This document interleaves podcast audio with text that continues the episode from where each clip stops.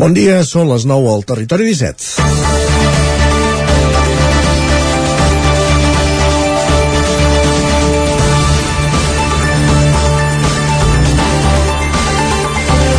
La indústria agroalimentària i especialment el sector porcí sovint està a l'ull de l'huracan. Ara li ha situat el ministre de Consum, Alberto Garzón, d'Unides Podem, amb unes declaracions a The Guardian en què critica les macrogranges per l'impacte contaminant que tenen i perquè produeixen una carn, diu, de pitjor qualitat. Aquest tema, per aterrar-lo al territori 17 i més concretament a Osona, comarca amb un important pes de la indústria agroalimentària i no només del porcí, exigeix matisos. El sector no és monolític. A Osona existeix una gran quantitat de petits productors que, segons dades de l'Observatori Socioeconòmic elaborat per Creacció, concentren només un 14% de la facturació, però ocupen el 41% del sector agroalimentari agroalimentari. És a dir, no tots són macrogranges.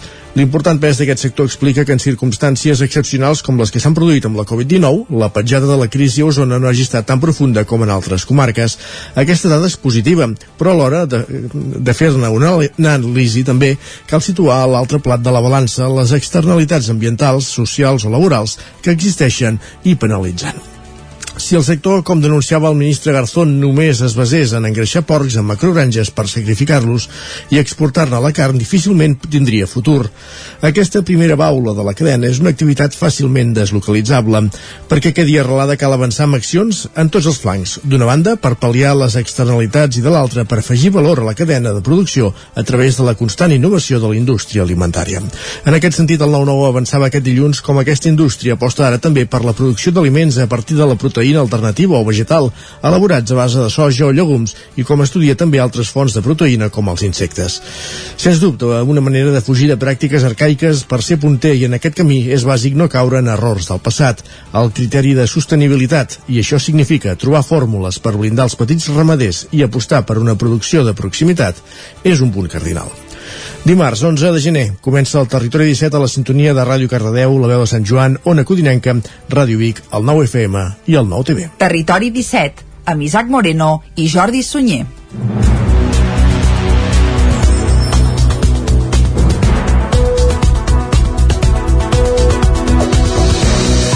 Passen dos minuts i mig de les 9 del matí d'avui dimarts, dia 11 de gener de 2022 i arrenca de seguida un nou Territori 17 que avui, com sempre, durant la primera hora us acostarà tota l'actualitat de les nostres comarques. A partir de les 10 actualitzarem el butlletí informatiu i després, a l'entrevista, avui Isaac tocarà parlar de jazz. Correcte, parlarem amb en David Vinyoles, músic usonenc, centellenc, que divendres estrenava a casa de Centelles, al casal Francesc Macià, un nou disc, David Vinyoles Quintet. Un disc, per cert, molt recomanable on fins i tot hi ha una aportació i una col·laboració de la Rita Paiés, un dels nous fenòmens de l'escena eh, catalana, concretament el trombó i cantant, però els detalls els descobrirem eh, d'aquí una hora llarga quan conversarem en directe amb David Vinyoles aquí a Territori 17. Un cop acabem l'entrevista serà el moment de passar per les piulades amb en Guillem Sánchez i la taula de redacció i després, Isaac, avui toca parlar del temps. Amb en Manel Dot de la xarxa d'observadors meteorològics d'Osona farem un repàs al temps del darrer mes i també serà moment de valorar el temps del 2021, un temps que, segons en el nostre meteoròleg de capçalera, en Pep Acosta, ha estat un desastre.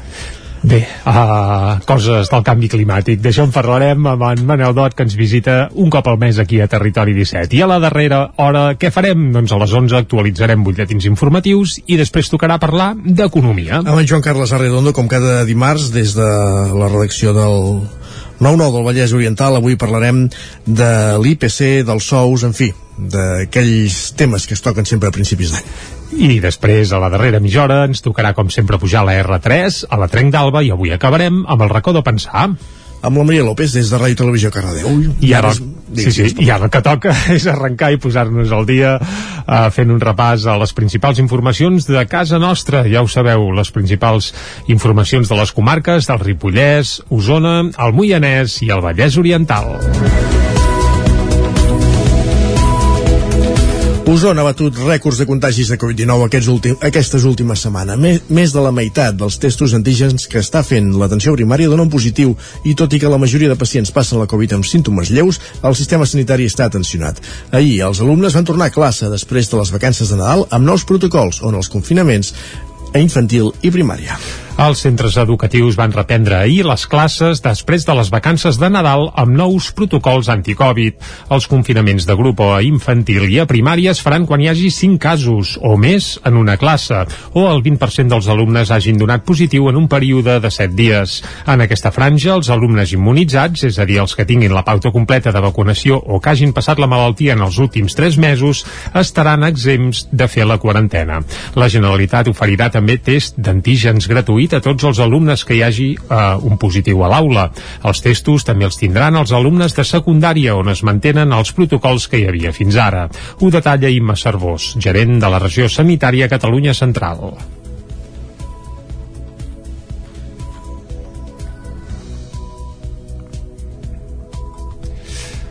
Bé, sembla que ara mateix no podem escoltar a Ima Cervós. Seguim explicant que la tornada a les aules es fa en plena expansió de la pandèmia i quan a Osona s'han batut rècords de contagis. La setmana del 24 al 30 de desembre es van registrar més de 3.700 positius de Covid i entre el 31 de desembre i el 6 de gener van ser 3.360. La variant Omicron per ara no té tanta incidència com la Delta als hospitals de la comarca.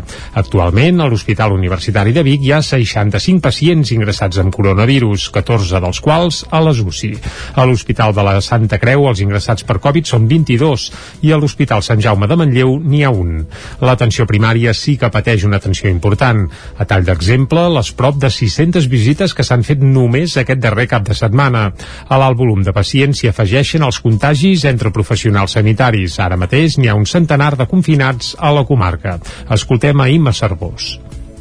Que tinguin o no tinguin sintomatologia, que es quedin a casa si són positius, si són positius amb sintomatologia que vagin a l'atenció sanitària i tot aquest testatge via de les mm, farmàcies quan tenen sintomatologia lleu per no sobrecarregar l'atenció primària. Per què? Perquè al tenir alta transmissió comunitària hi ha alta demanda dels serveis assistencials i per tant tenim una, un col·lapse a nivell de l'assistència sanitària d'atenció immediata. També s'estan registrant casos de Covid-19, majoritàriament lleus, en residències d'Osona, un entorn especialment vulnerable. Salut recorda que cal mantenir les mesures bàsiques davant de la pandèmia, reduir les interaccions socials i teletreballar en la mesura que es pugui. Les autoritats sanitàries també recomanen la vacunació i la dosi de reforç, per la que cal demanar cita prèvia. En aquests moments s'estan cobrint el 80% de cites disponibles tant per adults com per a infants d'entre 5 i 12 anys. Dos mesos després de tancar, el Palau d'Esports de Granollers tornarà a ser punt de vacunació massiva contra el coronavirus. Núria Lázaro, des de Ràdio Televisió, Cardedeu. La instal·lació tornarà a ser el referent per les punxades per frenar l'expansió de la pandèmia, segurament a partir de la setmana vinent. Ara falta saber quines dosis i en quines franges d'edat es faran les vacunacions. El Palau d'Esports va ser punt de vacunació massiva des de l'1 de juny del 2021 fins al 2 de novembre. Durant aquests mesos, milers de persones van passar per unes instal·lacions que van ser pal de paller de la vacunació contra el coronavirus a la comarca i a la zona metropolitana. A mesura que més població va anar rebent les dues dosis de la vacuna, Salut va canviar d'estratègia per centrar-se en accions més locals i per a col·lectius específics. Ara, en plena sisena onada, les instal·lacions que fa 20 dies veien la selecció noruega aixecar el Mundial d'handbol femení tornaran a acollir el personal sanitari encarregat d'administrar més dosis de la vacuna. I ara posem el focus al Ripollès. La pressió hospitalària augmenta a la comarca amb gairebé una vintena d'ingressats per Covid, però baixa el risc de rebrot. Isaac Muntades, des de la veu de Sant Joan. La pressió hospitalària s'ha disparat al Ripollès els últims dies i actualment a l'Hospital de Can de Bànol hi ha 19 pacients ingressats que tenen Covid-19. La majoria no revesteixen gravetat, ja que quan una persona empitjora se la sol traslladar de centre hospitalari. A més, hi ha un total de 12 professionals que són positius o estan aïllats. És per això que l'hospital demana evitar les aglomeracions, prioritzar les activitats a l'aire lliure, limitar el temps en interior anteriors i completar la pauta de vacunació si encara no s'ha fet. La Junta de Direcció de l'Àrea Bàsica de Ripoll Sant Joan Camprodon, Susana Prat, comenta que el Ripollès està vivint una situació diferent de la resta de Catalunya, ja que la comarca va notar el creixement de contagis abans, concretament fa més de 4 setmanes pels vols del pont de la Puríssima. Tot i que les xifres són molt dolentes, s'han anat mantenint i fins i tot han baixat una mica. L'última setmana de l'any l'índex de risc de rebrot superava els 5.430 punts i els casos confirmats per PCR o test d'antigen rondaven els 540. En canvi, ara les dades del 31 1 de desembre al 6 de gener són més bones dins del desastre, amb 4.146 punts de risc de rebrot i 494 casos de coronavirus amb gairebé un 25% de taxa de positivitat de les més de 1.600 proves fetes. La millor notícia és la RT, que baixa de l'1 per situar-se al 0,99, però s'ha rebaixat considerablement de l'1,55 de fa 3 setmanes. La falta de subministrament de tests antigènics per part de les farmàcies ha provocat que els centres d'atenció primària estiguessin més desbordats que mai, perquè la gent volia saber si era positiva i si s'havia contagiat de la variant Omicron, molt més contagiosa però amb una simptomatologia més lleu que semblant a un refredat. Amb tot, Prat assegura que els CAPs segueixen funcionant, però sí que es demana a la gent amb malalties cròniques no prioritàries sense simptomatologia, com la diabetis, que posposin el seu seguiment sempre que sigui possible. Ara als CAPs hi ha el circuit per tractar els possibles casos de Covid i la resta. En els CAPs grans, com és el CAP de Ripoll, doncs tenim un, una zona on visitem Covid, no es visita la resta de consultes, tenim dues, tres consultes reservades, depèn també de la demanda i de com van les dades setmanalment. Ja et dic, fa quatre setmanes vam haver d'obrir molta més zona Covid de la que teníem i ara ens estem mantinguent. Llavors, la, tota la persona que demana visita per valorar una possible sintomatologia aguda compatible amb Covid, se li dona hora per, per aquest circuit. La resta, totes les persones que ens diuen que no tenen sintomatologia respiratòria o que ens faci pensar que puguin ser Covid positiu, demanen hora amb el seu metge de referència, amb la seva infermera de capçalera. Els CAPs més petits com el de Sant Joan es redirigeix al malalt una franja horària concreta perquè els metges i infermeres no s'hagin de treure els EPIs cada cop que surten d'una consulta bruta una de neta. Al Ripollès la vacunació és força alta i ja hi ha gairebé 19.700 persones amb la pauta completa, més de 20.400 amb una dosi i gairebé 9.100 amb tres dosis. Prat recorda que li toca vacunar-se en aquests moments. Totes les persones majors de 40 anys, sempre i quan faci 3 mesos de la última dosi de vacuna, si es van posar AstraZeneca o Janssen, o bé 6 mesos en cas que port la primera pauta de Pfizer o Moderna. Totes aquestes persones es poden demanar hora per la meva salut, no hi ha problemes, se'ls dirigeix a Ripoll o a Sant Joan i a Camprodon en un dia concret a la setmana. Per exemple, avui de 3 a 7 de la tarda i demà dimecres de 8 del matí a les 2 de la tarda es vacunarà sense cita prèvia a la sala Eudal de Ripoll fins a exaurir les dosis. Perfecte, Isaac, gràcies. Prenem nota. Més qüestions. Anem fins a Muntanyola, ja que aquest poble no ha pogut estrenar l'escola nova pel retard a l'entrega d'alguns materials. Estava previst fer-ho ahir. A Balanyà, el nou edifici de l'escola Carles Capdevila també va amb retard i tampoc va, va poder obrir les portes. L'augment de preu de les matèries primeres ha fet augmentar en 180.000 euros el cost inicial de les obres del nou edifici de l'escola de Muntanyola. La previsió era que els alumnes la poguessin estrenar ahir, després, concretament, de les vacances de Nadal, però l'entrada l'entrada al nou centre haurà d'esperar unes setmanes. Segons l'alcalde, Carles Morera, s'allargarà fins a finals d'aquest mes a causa d'un retard en la recepció dels materials, concretament en l'alumini per les finestres i els tancaments. L'escola de Muntanyola va obrir el curs 2007-2008 i des de llavors les diverses generacions que han passat ho han fet en unes aules ubicades en mòduls prefabricats. El nou centre costa 1,2 milions d'euros, als quals s'hi han de sumar els 180.000 del sobrecost. Del total eh, del cost, el, de, el Departament d'Educació en pagava 850.000 i la resta els aporta l'Ajuntament encara que té una subvenció de la Diputació de Barcelona que n'hi posava 227.000. De la puja d'última hora, bona part l'assumirà també la Generalitat. Part dels diners que hi posarà l'Ajuntament provenen de la venda de 10 parcel·les del municipi. El nou edifici té uns 700 metres quadrats i s'ubica al costat d'on ara hi ha els mòduls i la llar d'infants. On ahir dilluns tampoc van estrenar el nou edifici eh, és a l'Institut Escola Carles Cap de Vila de Balanyà. La previsió és que es faci l'entrega de l'edifici la setmana que ve. En aquest cas, el sobrecost, que va sortir a concurs per uns 2 milions d'euros, acabarà sent d'uns 80.000 euros. Sant Sebastià de Montmajor, una pedania de Caldes de Montbui, ha començat l'any amb el nomenament de l'alcaldessa Padana. Anna Moreno ha revalidat el càrrec. Jordi Givert, des d'Ona Codinenca. L'últim ple municipal de l'Ajuntament de Caldes de Montbui del 2021 va ratificar per unanimitat Anna Moreno com a alcaldessa padana de Sant Sebastià de Montmajor, un càrrec que Moreno ocupa des de l'any 2007. Les funcions de l'alcaldessa padana són recollir les inquietuds dels veïns, tant els que hi viuen tot l'any com els que hi tenen casa. En matèria protocolària també representa aquest veïnat i el seu objectiu és millorar la pedania. Escoltem ara a Anna Moreno, que ens explicava les reformes que s'estan demanant a l'Ajuntament de la Vila Termal per millorar la pedania.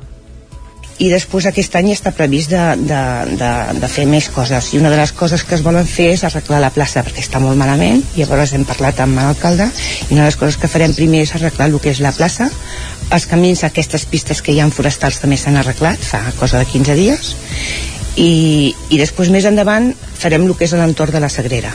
En els darrers 14 anys, aquesta pedania ha aconseguit la millora de serveis bàsics amb l'arribada de l'aigua potable canalitzada o bé l'enllumenat públic. A més, s'ha rehabilitat l'església romànica on hi ha frescos del pintor Antoni Vila Arrufat. El nucli de Sant Sebastià de Montmajor té actualment 6 habitants, però la seva població es multiplica durant els caps de setmana i els estius. Perfecte, gràcies Jordi. El conte de nit de Reis de Peles Mestres fa 100 anys que es posa en escena a Sant Quirze de Besora. El Teatre al Centre n'ha celebrat el centenari en les representacions que van començar el dia 6 i que van acabar aquest diumenge. L'entitat va aprofitar per reivindicar la permanència de l'espai del teatre amb una pancarta que van mostrar al final de les funcions. Aquest 2022 ha fet 100 anys que Sant Quirze de Besora s'hi representa el conte Nit de Reis de Peles Mestres. Les representacions de l'obra dissabte i diumenge van tancar una nova temporada nadalenca del Teatre al Centre. Per commemorar l'aniversari d'aquest espectacle únic, l'entitat va programar la representació amb l'equip actual, però també una sessió dissabte al vespre amb actors històrics del grup. Alguns, alguns feia quatre dècades que no trepitjaven l'escenari, que aviat és dit. Escoltem per aquest ordre a Nati Picazo i a Marta Vilardell, dues de les directores de Nit de Reis. Els actors han hagut de prendre el paper, han hagut d'assajar in extremis, vull dir, les, les circumstàncies han sigut allò, molt feixugues, però encara al final, quan arribes i aixeques el taló, encara estàs més content d'haver-ho aconseguit. Ens sabem aquesta peça tant que en un dia i mig pots col·locar algú a l'escenari, algú tan novell com un nano de, de, de 14 anys, no?, que engega aquí, fa blum, i té el personatge, no? I és perquè el centre és una família, és, és història, i llavors tots ens sabem els personatges, eh? ens podem substituir perquè ho portem ja tan a dintre que surt. Totes les sessions, tant dels pastorets com de nit de Reis, van acabar amb tots els participants dalt de l'escenari amb una pancarta reivindicativa. Amb el lema «El centre no es toca», demanaven la permanència del teatre i mostraven el seu malestar pel conflicte que el centre té amb un veí del poble.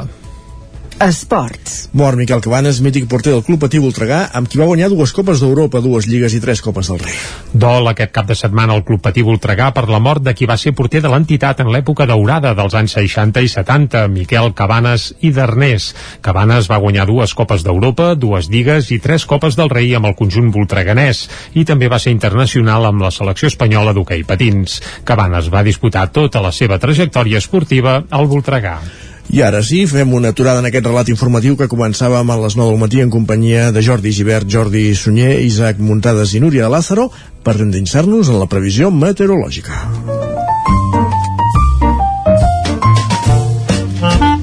Casa Terradellos us ofereix el temps. Una previsió que, com cada dia, ens arriba de la mà d'en Pep Acosta, qui ja saludem ara mateix. Bon dia, Pep. Hola, molt bon dia. Molt bona hora. Comencem aquí la informació meteorològica mm -hmm. i ho fem amb una bona notícia, amb ah. les pluges d'ahir. Eh, bueno, bona notícia només cap a la zona del Pirineu. Van caure 25 litres a Núria, eh, 28 a la zona de Ter, uns 20 també cap a Molló. Eh, pluges que van ser bastant importants en aquella zona. Molt bona notícia però clar, van ser poc extenses, eh? només van afectar el nord de la comarca del Ripollès, eh, sí que va ploure molt més cap a la zona més eh, occidental del Pirineu, allà sí que van haver-hi pluges de més de 70 litres, fins i tot el, el, la Garona està amb avís per una crescuda molt important, però cap a les comarques la pluja hi va ser molt més escassa, eh? aquests vents de nord, eh, perdó, aquests fronts de nord no, no acaben de provocar una pluja molt intensa a tot Catalunya i a les comarques tampoc. Eh, la majoria de pluges van ser entre 1 i 2 5 litres. Mm, amb la sequera que hi ha, òbviament això no va fer ni pessigolles a la sequera importantíssima que tenim.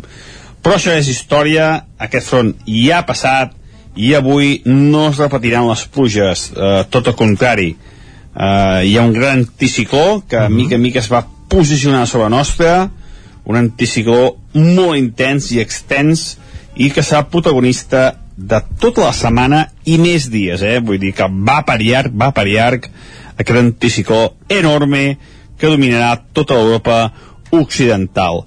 Ens veiem unes temperatures força baixes, sobretot cap a la zona també del Pirineu, mínimes de 7-8 sota 0 alta muntanya, la majoria de poblacions entre el 0 i els 5 graus en les comarques.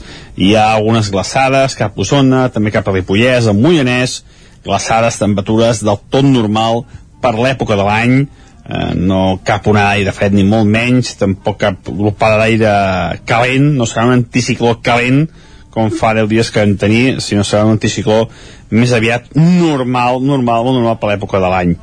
Uh, dominarà el sol, molt, molt de sol, les boires encara no s'instal·laran avui, uh, és el primer anticicló i encara uh, no hi ha temps perquè s'instal·lin les boires, però mica en mica, al que avanci la setmana, les boires s'aniran intensificant, sobretot cap a zona del Vallès i també cap a Osona, cap a la plana de Vic i també cap al Moianès. Aquestes zones, la boira serà protagonista les, els pròxims eh, dies avui no, eh? avui encara no, avui serà, farà molt de sol a les comarques, eh, res a veure amb el dia tapat d'ahir, eh, dia més aviat fred, tapat, doncs avui no, no, eh? avui serà un dia molt assolellat, el sol serà el protagonista del dia sense cap mena de dubtes, algun núvol prim, molt poca cosa, i les temperatures màximes una mica més altes, i la sensació serà de no tan fred, ja que farà molt més sol. Les màximes, la majoria, entre els 10 i els 14 graus de temperatura.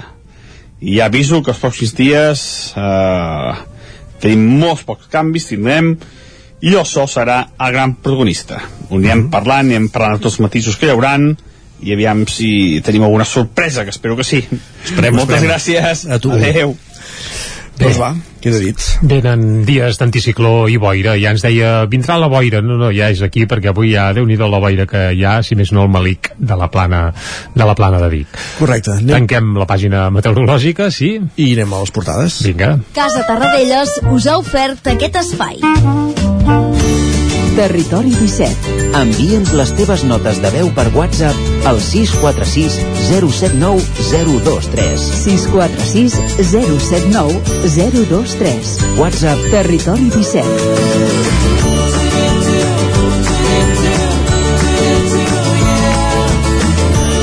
Territori 17. Som a Facebook, Twitter i Instagram amb l'usuari Territori 17.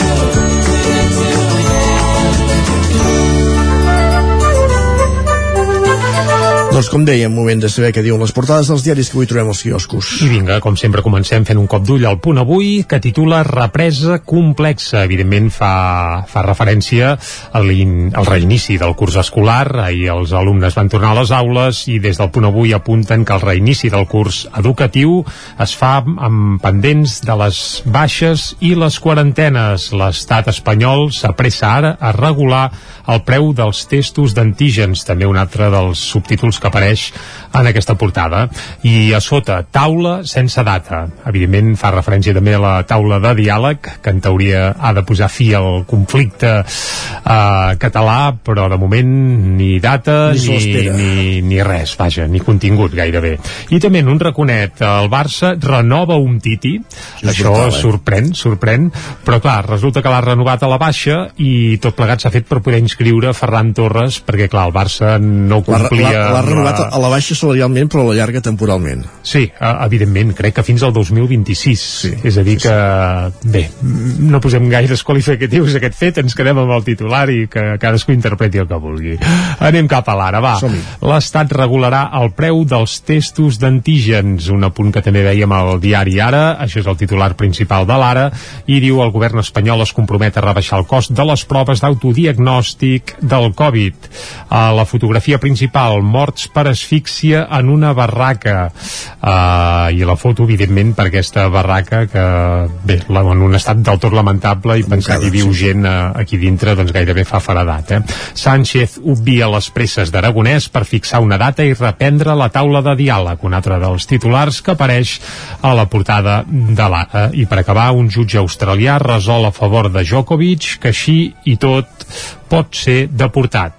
Aquest eh, conflicte de Djokovic, recordeu-me, eh, aquest tenista És el- serbi... és el que- número u del món, Sí, que número 1 brutal. del món, que, I, i, que bé... i número 0 donant exemple Sí, però s'està erigint en una espècie de líder antivacunes i sí, sí. bé, no, no, no sabem com acabarà tot plegat. Aquests dies s'ha de disputar l'Open d'Austràlia, un dels principals tornejos del tennis mundial, i de moment el xicotia és allà... si tot anés com ha d'anar aquest senyor no el disputaria No, no, no, Veurem- és que directament no entraria a. Austràlia. De moment és allà i ja es veurà què, què acaba passant. El periòdico, precisament, la fotografia principal és per Djokovic, que diuen salva el primer revés.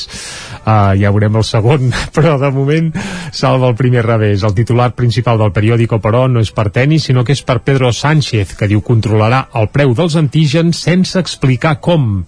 Aquest és el titular. El periòdico que ja hi posen una mica el dit a la nafra. Els últims dies de desembre es van vendre 7 milions de proves a una mitjana de 10 euros la unitat. Això apunten a la portada del periòdico. També un destacat per un reportatge que hi ha a l'interior i titulen El Calvari del vianant a Barcelona. És a dir, anar a peu a Barcelona és tota una aventura perquè es veu que hi ha obstacles per tot arreu. A l'avantguàrdia, la pujada salarial del 2021 es queda 5 punts per sota de la inflació.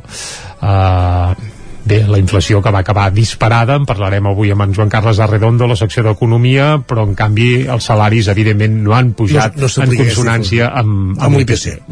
La fotografia també és per Djokovic, eh, que ja és a Melbourne, i bé, ell està ben content aquí posant, però diu Djokovic vol l'Open després de la victòria més gran. Per ell la victòria més gran ha estat precisament que no el fessin fora o no el mantinguessin tancat a, a, bé, a Austràlia. Els experts troben prematura el pla de Sánchez per gripalitzar la Covid. Un altre dels titulars de l'avantguàrdia i anem ràpidament a fer un cop d'ull Sí, a la ràpid. premsa que s'edita des de Madrid. El País, el plan per vigilar la Covid com una grip comú divideix els metges.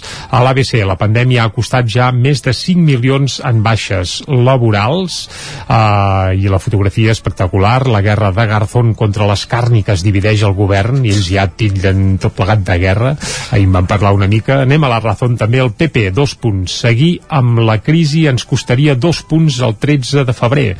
Uh, bé, per tant, sembla que Ayuso i, i Casado haurien de firmar les paus, eh? I ràpidament, per acabar, El Mundo. Podemos tensa el govern pel cas Garzón i acusa Sánchez de ser deslleial. Tornem en 3 minuts. Adeu. El nou FM, la ràdio de casa, al 92.8. Vine a Autoscola Montseny. Ara és el moment de fer els cursos de teòrica intensius. Ràpid i eficaç. T'informarem dels PACs. Permís de moto de 16 i 18 anys i permís de cotxe. I si vens a veure'ns, tindràs un obsequi. Apunta't i no t'ho pensis més. Per més informació, Autoscola Montseny, Rambla de Vallades, número 13 de Vic. Busca'ns a Instagram i Facebook. Això és el que s'escolta al voltant d'una caldera saunia d'Oval. Tranquilitat i benestar, perquè gaudeix del millor manteniment del servei tècnic oficial per estar despreocupat. O el que vulgui. Informis a Oficiat Nord trucant al 938860040. Saunia d'Oval, sempre al seu costat. El nou FM, la ràdio de casa, al 92.8.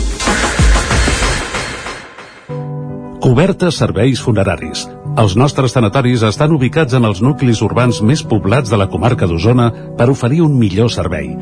Tanatori de Vic, Tanatori de Manlleu, Tanatori de Centelles i Tanatori de Roda de Ter. Sabem que són moments difícils i per això el nostre compromís és atendre-us en tot moment amb un tracte humà, sensible i respectuós. Cobertes serveis funeraris. Telèfon 24 hores 93 883 23 46. Amb Pradell estalvio energia i cuido la meva butxaca i el medi ambient. Posa't en mans a Pradell, són experts en calderes de gas i condensació, estufes de pèl·let, energia solar, terres radiants i geotèrmia. Pradell instal·la calderes de biomassa per a particulars i per a empreses. Si vols estalviar un 50% en consum, contacta amb Pradell i passa't a les energies renovables. Pradell, som a l'Avinguda Països Catalans 27 de Vic. Telèfon 93 885 1197. Pradell.cat. Anuncia't al 9FM. La màquina de casa. 9 3 8 8 9 4 9 4 9. Publicitat arroba al 9FM.cat. Anuncia't al 9FM. La publicitat més eficaç. Cocodril Club. Si t'agrada la bona música dels anys 60, 70 i 80, escolta el 9 FM els matins de dissabtes i diumenges d'11 a 1. És el temps del Cocodril Club, tot un clàssic de la ràdio, amb les bases del pop-rock, les llegendes, les cançons que s'han convertit en autèntics himnes. Recorda, dissabtes i diumenges al matí, d'11 a 1, al 9 FM 92.8. Cocodril Club, el programa revival de l'Albert Malla. Hasta luego, cocodrilo. El nou FM, el nou FM, el nou FM, el nou FM, el nou FM. Ara mateix, al territori 17 són dos quarts de 10 del matí. Territori 17, amb Isaac Moreno i Jordi Sunyer.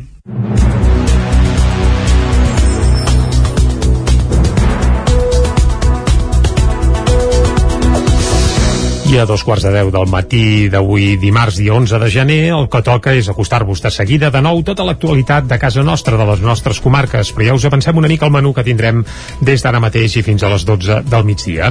Abans de les 10 hi posarem una mica de música, avui lligada a un dels millors, bé, una de les millors veus que tenim segurament als països catalans, és la de... Miguel Tatxan, ho expliquem, Miguel Poveda, correcte. I és que aquest cap de setmana hi ha hagut una polèmica lligada a unes declaracions arran de... bé, del seu Una- pas no, no. per les aules. Una, una entrevista al País, Correcte. que ell se sincera i diu el que diu i, i, algú ho ha tergiversat però de forma molt com si fos un, un diari d'aquells cutres de la caverna mediàtica de Madrid doncs també en tenim la caverna mediàtica catalana d'aquests Uh, bé, uh, explicarem què va dir, què va d'allò, però després el sentirem cantar i en català, a més a més, perquè al seu darrer disc hi ha una perla en català uh, que és espectacular, però no explicarem quin és, us haureu d'esperar fins a les 10. Va, a les 10 més informació i després a l'entrevista, avui també parlarem de música i de David Vinyoles, un bateria de Centelles que va estrenar el seu darrer disc eh, el passat divendres amb un concertàs al casal Francesc Macià de Centelles. El disc es diu Isaac David Vinyoles Quintet. Perfecte, i amb això queda tot clar. Parlem Correcte, de jazz, jazz, i tant que sí. A dos quarts d'onze, moment per les piulades, després la taula de redacció i tot seguit parlarem del temps. Amb en Manel Dot parlarem del temps que ha fet el mes de desembre i també valorarem el temps de l'any 2021 I a la darrera hora de Territori 17 arrencarem actualitzant la informació, butlletí informatiu i després serà el moment de parlar d'economia. Amb en Joan Carles Arredondo parlarem, de, com, sempre, com bon inici d'any que som, de la inflació, de l'IPC, dels sous, en fi, de tot plegat. I acabarem amb la R3 a la Trenc d'Alba i, com tots els dimarts, amb el racó de pensar. Amb Maria López, des de Ràdio Televisió Gardeu. I ara el que toca és acostar-vos de nou l'actualitat de casa nostra, l'actualitat de les comarques del Ripollès, Osona, el Moianès i el Vallès Oriental. Osona ha batut rècords de contagis de Covid-19 aquests últim, aquestes últimes setmanes. Més, més de la meitat dels testos d'antígens que està fent l'atenció primària donen positiu i tot i que la majoria de pacients passen la Covid amb símptomes lleus, el sistema sanitari està atencionat. Ahir els alumnes van tornar a classe després de les vacances de Nadal amb nous protocols on els confinaments a infantil i primària. Els centres educatius van reprendre ahir les classes després de les vacances de Nadal amb nous protocols anticovid.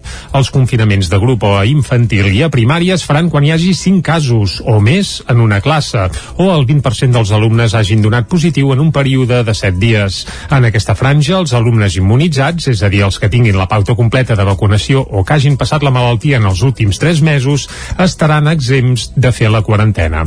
La Generalitat oferirà també test d'antígens gratuït a tots els alumnes que hi hagi eh, un positiu a l'aula. Els testos també els tindran els alumnes de secundària on es mantenen els protocols que hi havia fins ara. La tornada a les aules es fa en plena expansió de la pandèmia i quan a Osona s'han batut rècords de contagis. La setmana del 24 al 30 de desembre es van registrar més de 3.700 positius de Covid i entre el 31 de desembre i el 6 de gener van ser 3.360. La variant Omicron per ara no té tanta incidència com la Delta als hospitals del la comarca. Actualment, a l'Hospital Universitari de Vic hi ha 65 pacients ingressats amb coronavirus, 14 dels quals a les UCI. A l'Hospital de la Santa Creu els ingressats per Covid són 22 i a l'Hospital Sant Jaume de Manlleu n'hi ha un. L'atenció primària sí que pateix una atenció important. A tall d'exemple, les prop de 600 visites que s'han fet només aquest darrer cap de setmana. A l'alt volum de pacients s'hi afegeixen els contagis entre professionals sanitaris. Ara mateix n'hi ha un centenar de confinats a la comarca. Escoltem a Imma Cervós. Que tinguin o no tinguin sintomatologia, que es quedin a casa si són positius, si són positius amb sintomatologia que vagin a l'atenció sanitària i tot aquest testatge via de les mm, farmàcies quan tenen sintomatologia lleu per no sobrecarregar l'atenció primària. Per què? Perquè al tenir alta transmissió comunitària hi ha alta demanda dels serveis assistencials i per tant tenim una, un col·lapse a nivell de l'assistència sanitària d'atenció immediata. També s'estan registrant casos de Covid-19, majoritàriament lleus, en residències d'Osona, un entorn especialment vulnerable. Salut recorda que cal mantenir les mesures bàsiques davant de la pandèmia, reduir les interaccions socials i teletreballar en la mesura que es pugui. Les autoritats sanitàries també recomanen la vacunació i la dosi de reforç, per la que cal demanar cita prèvia. En aquests moments s'estan cobrint el 80% de cites disponibles tant per adults com per a infants d'entre 5 i 12 anys. Dos mesos després de tancar, el Palau d'Esports de Granollers tornarà a ser punt de vacunació massiva contra el coronavirus. Núria Lázaro, des de Ràdio Televisió, Cardedeu. La instal·lació tornarà a ser el referent per les punxades per frenar l'expansió de la pandèmia, segurament a partir de la setmana vinent. Ara falta saber quines dosis i en quines franges d'edat es faran les vacunacions. El Palau d'Esports va ser punt de vacunació massiva des de l'1 de juny del 2021 fins al 2 de novembre. Durant aquests mesos, milers de persones van passar per unes instal·lacions que van ser pal de paller de la vacunació contra el coronavirus a la comarca i a la zona metropolitana. A mesura que més població va anar rebent les dues dosis de la vacuna, Salut va canviar d'estratègia per centrar-se en accions més locals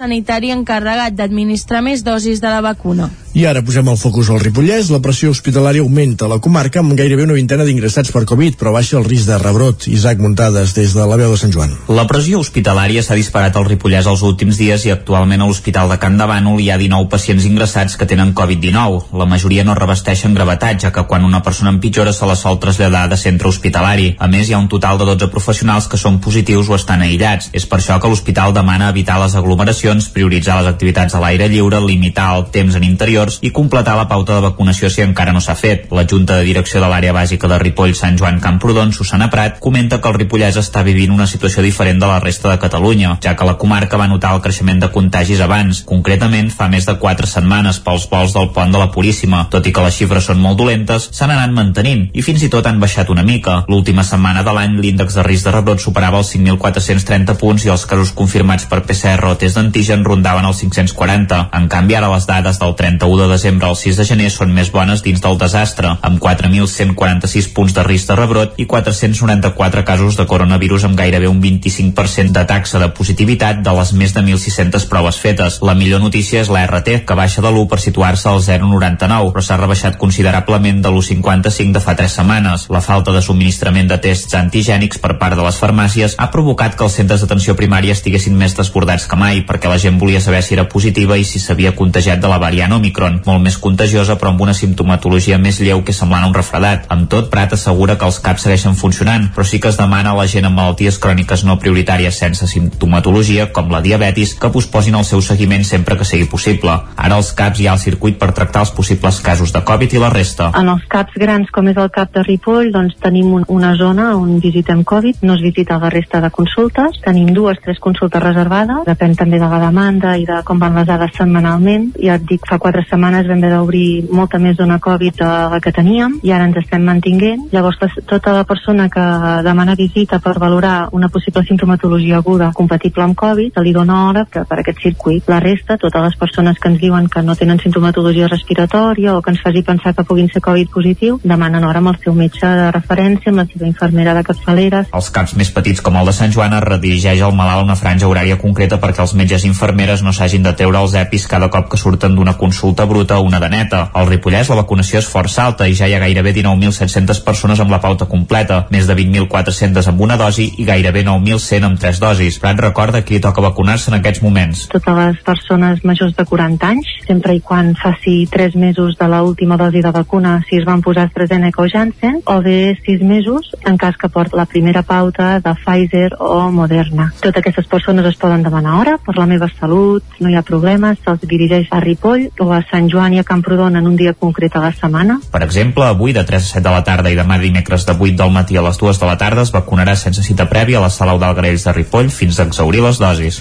Perfecte, Isaac, gràcies. Prenem nota. Més qüestions. Anem fins a Muntanyola, ja que aquest poble no ha pogut estrenar l'escola nova pel retard a l'entrega d'alguns materials. Estava previst fer-ho ahir. A Balanyà, el nou edifici de l'escola Carles Capdevila també va amb retard i tampoc va, va poder obrir les portes. L'augment de preu de les matèries primeres ha fet augmentar en 180.000 euros el cost inicial de les obres del nou edifici de l'escola de Muntanyola.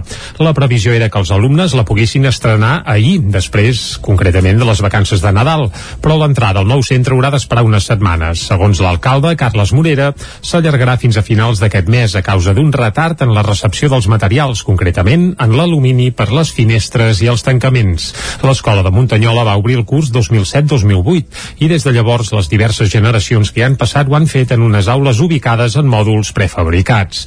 El nou centre costa 1,2 milions d'euros, als quals s'hi han de sumar els 180.000 del sobrecost. Del total eh, del cost, el, Depart el Departament d'Educació en pagava 850.000 i la resta els aporta l'Ajuntament encara que té una subvenció de la Diputació de Barcelona que n'hi posava 227.000. De la puja d'última hora, bona part l'assumirà també la Generalitat. Part dels diners que hi posarà l'Ajuntament provenen de la venda de 10 parcel·les del municipi. El nou edifici té uns 700 metres quadrats i s'ubica al costat d'on ara hi ha els mòduls i la llar d'infants. On ahir dilluns tampoc van estrenar el nou edifici eh, és a l'Institut Escola Carles Capdevila de Balanyà. La previsió és que es faci l'entrega de l'edifici la setmana que ve.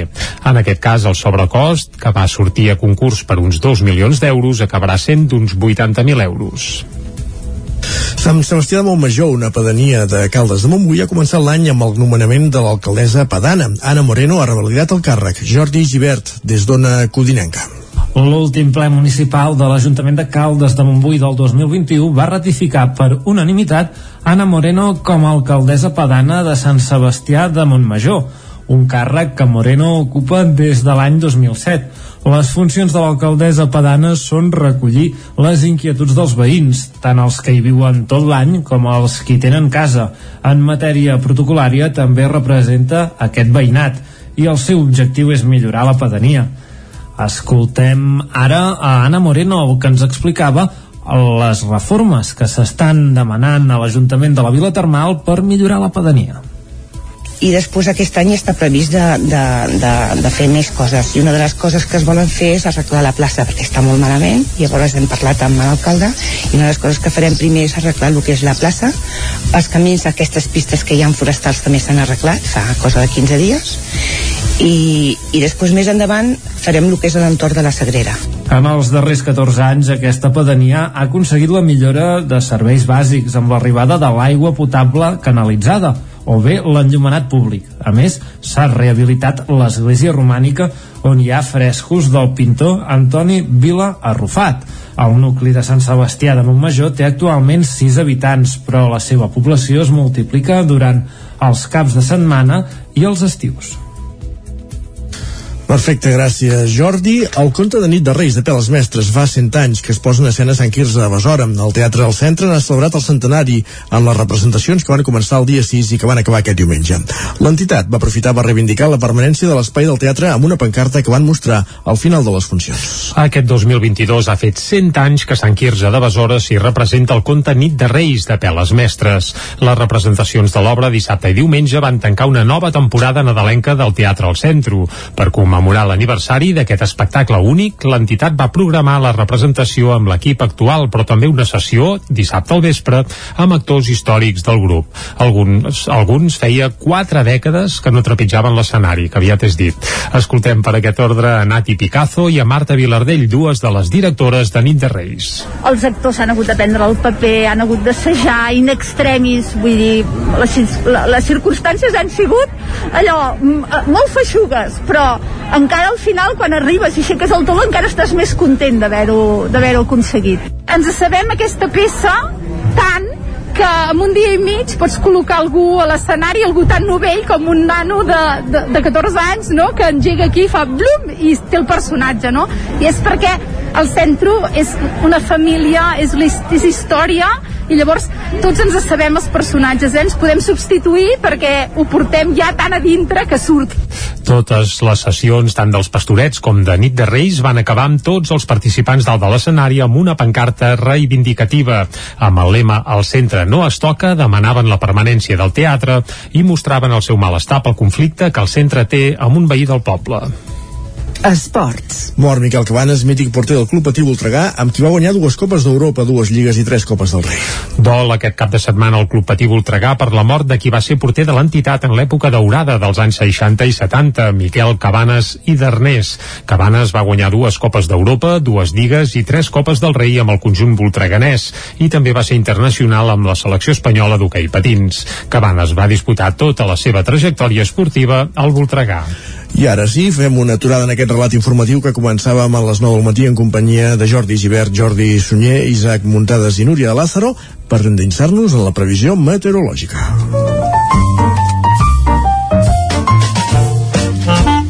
Casa Terradellos us ofereix el temps. Una previsió que com cada dia ens arriba de la mà d'en Pep Acosta, qui ja saludem ara mateix. Bon dia, Pep. Hola, molt bon dia. Molt bona hora. Comencem aquí la informació meteorològica mm -hmm.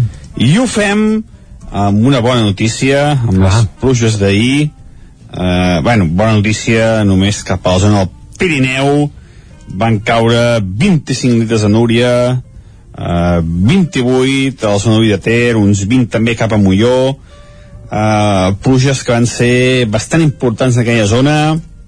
Molt bona notícia però clar, van ser poc extenses, eh? només van afectar el nord de la comarca del Ripollès eh, sí que va ploure molt més cap a la zona més eh, occidental del Pirineu allà sí que van haver-hi pluges de més de 70 litres fins i tot el, el, la Garona està amb avís per una crescuda molt important però cap a les comarques la pluja hi va ser molt més escassa, eh? aquests vents de nord eh, perdó, aquests fronts de nord no, no acaben de provocar una pluja molt intensa a tot Catalunya.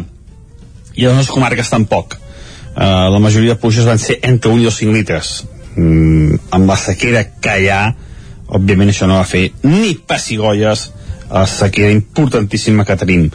Però això és història aquest front ja ha passat i avui no es repetiran les pluges, eh, tot el contrari. Eh, hi ha un gran anticicló que uh -huh. mica en mica es va posicionar sobre la nostra, un anticicló molt intens i extens i que serà protagonista de tota la setmana i més dies, eh? Vull dir que va per llarg, va per llarg aquest anticicló enorme que dominarà tota l'Europa occidental. Ens veiem unes temperatures força baixes, sobretot cap a la zona també del Pirineu, mínimes de 7, 8 sota 0 alta muntanya. La majoria de poblacions entre el 0 i els 5 graus a les comarques.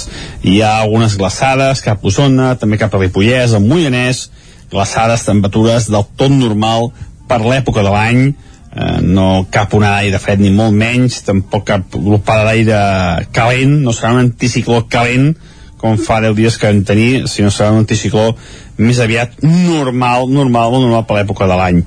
Uh, dominarà el sol, molt, molt de sol, les boires encara no s'instal·laran avui, uh, és el primer anticicló i encara uh, no hi ha temps perquè s'instal·lin les boires, però mica en mica, al que avanci la setmana, les boires s'aniran intensificant, sobretot cap a zona del Vallès i també cap a Osona, cap a la plana de Vic i també cap al Moianès. Aquestes zones la boira serà protagonista les, els pròxims eh, dies. Avui no, eh? avui encara no, avui serà, farà molt de sol a les comarques, eh, res a veure amb el dia tapat d'ahir, eh, dia més aviat fred, tapat, doncs avui no, eh? avui serà un dia molt assolellat, el sol serà el protagonista del dia sense cap mena de dubtes, algun núvol prim, molt poca cosa, i les temperatures màximes una mica més altes. I la sensació serà de no tan fred, ja que farà molt més sol. Les màximes, la majoria, entre els 10 i els 14 graus de temperatura.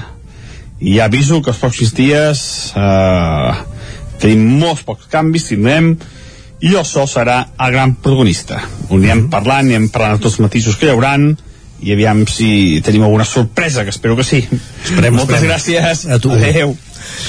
Doncs va, queda dit. Venen dies d'anticicló i boira, ja ens deia, vindrà la boira, no, no, ja és aquí, perquè avui ja, déu nhi la boira que hi ha, si més no el malic de la plana de la plana de Vic. Correcte. Anem... Tanquem la pàgina meteorològica, sí? I anem a les portades. Vinga. Casa Tarradellas us ha ofert aquest espai. Territori 17. Envia'ns les teves notes de veu per WhatsApp al 646 079 023. 646 079 023. WhatsApp Territori 17.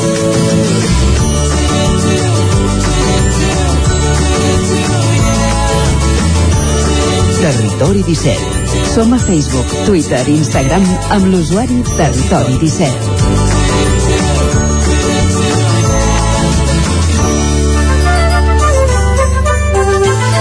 Doncs com dèiem, moment de saber què diuen les portades dels diaris que avui trobem als quioscos. I vinga, com sempre comencem fent un cop d'ull al punt avui que titula Represa complexa. Evidentment fa, fa referència al, al reinici del curs escolar. Ahir els alumnes van tornar a les aules i des del punt avui apunten que el reinici del curs educatiu es fa amb pendents de les baixes i les quarantenes. L'estat espanyol s'apressa ara a regular el preu dels testos d'antígens, també un altre dels subtítols que apareix en aquesta portada. I a sota, taula sense data. Evidentment fa referència també a la taula de diàleg, que en teoria ha de posar fi al conflicte eh, català, però de moment ni data Ni ni, ni, ni res, vaja, ni contingut gairebé. I també en un raconet, el Barça renova un Titi, és això brutal, eh? sorprèn, sorprèn, però clar, resulta que l'ha renovat a la baixa i tot plegat s'ha fet per poder inscriure Ferran Torres, perquè clar, el Barça no complia... l'ha- renovat a la baixa salarialment, però a la llarga temporalment. Sí, evidentment, crec que fins al 2026. Sí, és a dir que, bé, no posem gaires qualificatius a aquest fet, ens quedem amb el titular i que cadascú interpreti el que vulgui. Anem cap a l'ara, va. L'Estat regularà el preu dels testos d'antígens, un apunt que també veiem al diari Ara, això és el titular principal de l'Ara, i diu el govern espanyol es compromet a rebaixar el cost de les proves d'autodiagnòstic del Covid. A la fotografia principal, morts per asfíxia en una barraca. Uh, I la foto, evidentment, per aquesta barraca que, bé, la, en un estat del tot lamentable i pensar que hi viu gent uh, aquí dintre, doncs gairebé fa faradat, eh? Sánchez obvia les presses d'Aragonès per fixar una data i reprendre la taula de diàleg, un altre dels titulars que apareix a la portada de l'Ara. I per acabar, un jutge australià resol a favor de Djokovic que així i tot pot ser deportat. Uh, aquest uh, conflicte de Djokovic, recordem-ho, eh, aquest tenista És el- serbi... és el que- número 1 del món. Sí, És número 1 brutal. del món, que, I, i, que bé. I número 0 donant exemple. Sí, però s'està erigint en una espècie de líder antivacunes i sí, sí. bé, no, no no sabem com acabarà tot plegat. Eh, Aquests dies s'ha de disputar l'Open d'Austràlia, un dels principals tornejos del tennis mundial, i de moment el I si és allà... si tot ja anés com ha d'anar, aquest senyor no el disputaria. No, no, no, Veurem- és que directament no els entraria a. Austràlia. De moment és allà i ja es veurà què, què acaba passant. El periòdico, precisament, la fotografia principal és per Djokovic, que diuen salva el primer revés. Uh, ja veurem el segon, però de moment salva el primer revés. El titular principal del periòdico, però, no és per tenis, sinó que és per Pedro Sánchez, que diu controlarà el preu dels antígens sense explicar com. Aquest és el titular. El periòdico que ja hi posa una mica el dit a la nafra, els últims dies de desembre es van vendre 7 milions de proves a una mitjana de 10 euros la unitat. Això apunten a la portada del periòdico. També un destacat per un reportatge que hi ha a l'interior i titulen El Calvari del vianant a Barcelona. És a dir, anar a peu a Barcelona és tota una aventura perquè es veu que hi ha obstacles per tot arreu. A l'avantguàrdia, la pujada salarial del 2021 es queda 5 punts per sota de la inflació. Uh, Bé, la inflació que va acabar disparada, en parlarem avui amb en Joan Carles Arredondo, la secció d'Economia, però en canvi els salaris evidentment no han pujat No- no en consonància amb, Amb l'IPC. La fotografia també és per Djokovic, eh, que ja és a Melbourne, i bé, ell està ben content aquí posant, però diu Djokovic vol l'Open després de la victòria més gran. Per ell la victòria més gran ha estat precisament que no el fessin fora o no el mantinguessin tancat a, a, bé, a Austràlia. Els experts troben prematura el pla de Sánchez per gripalitzar la Covid. Un altre dels titulars de l'avantguàrdia i anem ràpidament a fer un cop d'ull sí, a la ràpid. premsa que s'edita des de Madrid. El país, el plan per vigilar la Covid com una grip comú divideix els metges. A l'ABC la pandèmia ha costat ja més de 5 milions en baixes laborals uh, i la fotografia espectacular. La guerra de Garzón contra les càrniques divideix el govern i ells ja titllen tot plegat de guerra. Ahir en vam parlar una mica. Anem a la raó també el PP, dos punts. Seguir amb la crisi ens costaria dos punts el 13 de febrer. Uh, bé, per tant, sembla que Ayuso i, i Casado haurien de firmar les paus, eh? I ràpidament, per acabar, El Mundo. Podemos tensa el govern pel cas Garzón i acusa Sánchez de ser deslleial. Molt bé, doncs anem anar, anar posant llenya al foc amb, el, amb la crisi Eterna, Garson, eterna, Garson, sí, sí, sí. Unides Podem PSOE. Bé, uh, nosaltres no hi posarem pas llenya al foc, el que farem és sí que ens farem ressò d'una polèmica, com bé deies abans, que hi va haver el cap de setmana arran d'una entrevista al País a Miguel Poveda, que per cert ha tret un disc que es diu Diverso, molt aconsellable, i que acaba amb la cançó que escoltarem de seguida. Acaba amb una versió de Pare, de Joan Manuel Serrat, uh -huh. i cantada per Poveda en català. I és que ell mateix diu que bé que s'ha enamorat del català mmm, quan s'ha sentit lliure, això afirmava en aquesta entrevista, i el que va crear una mica de polèmica és que a l'entrevista explicava que, que ell diu que era força bon estudiant quan era jovenet, però que a partir dels 10 anys va començar a suspendre-ho tot.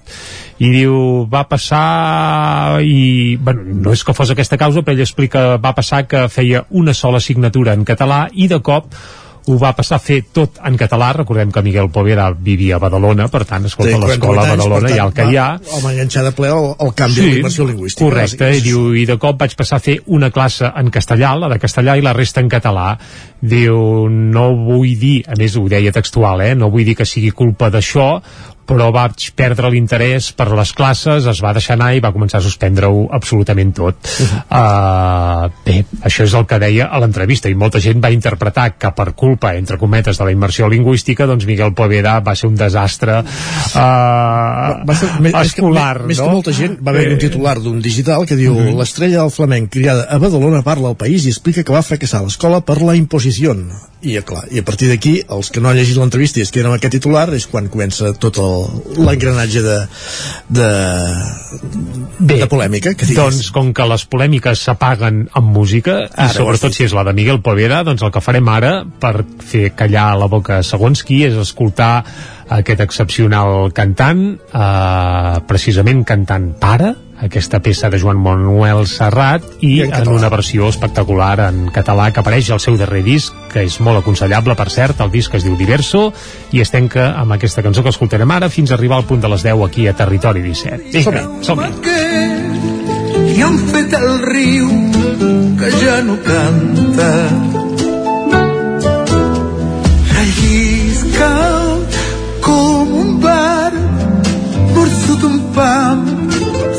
Fa escuma blanca.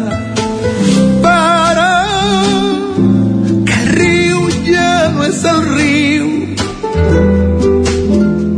Para, abans que torni l'estiu amagui tot el que es viu. Para, digueu-me què li han fet al bosc que no hi ha arbres.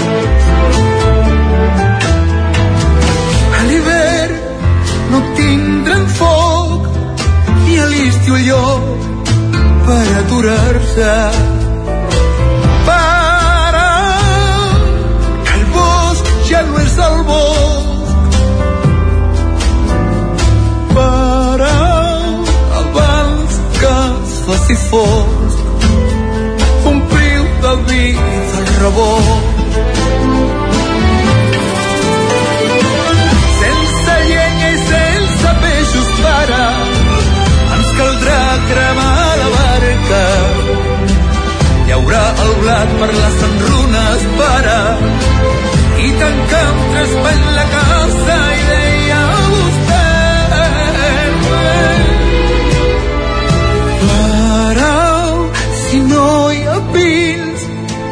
no es fan pinyons ni cucs ni ocells i para on no hi ha flors no es fan abelles fent ni mel para que el camp ja no és el camp para demà del cel plourà sang el vent tocant a plorar para ja són aquí monstres de carn amb gust de ferro para no no tingueu por digueu que no que jo us espero. Para que estem matant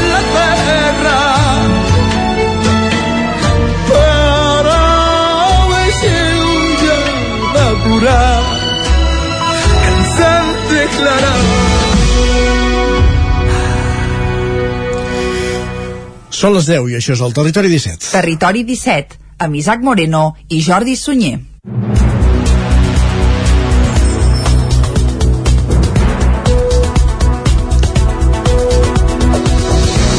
I moment ara al territori 17, com cada dia de posar-nos al dia, d'actualitzar-nos amb les notícies més destacades de les nostres comarques, el Ripollès, Osona, el Moianès i el Vallès Oriental.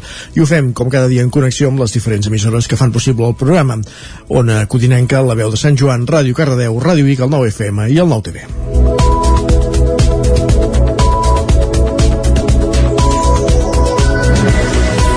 El ministre de Cultura del govern espanyol, Miquel Iceta, visita per sorpresa la catedral de Vic. Ho va fer la setmana passada en una visita que no figurava a l'agenda oficial. El motiu era conèixer de primera mà les pintures de Josep Maria Ser que hi ha a la catedral bigatana que necessiten una restauració. Des del Bisbat de Vic ja fa temps que volien exposar el projecte al Ministeri de Cultura espanyol i finalment ha estat el mateix Miquel Iceta qui es va atensar a la capital d'Osona.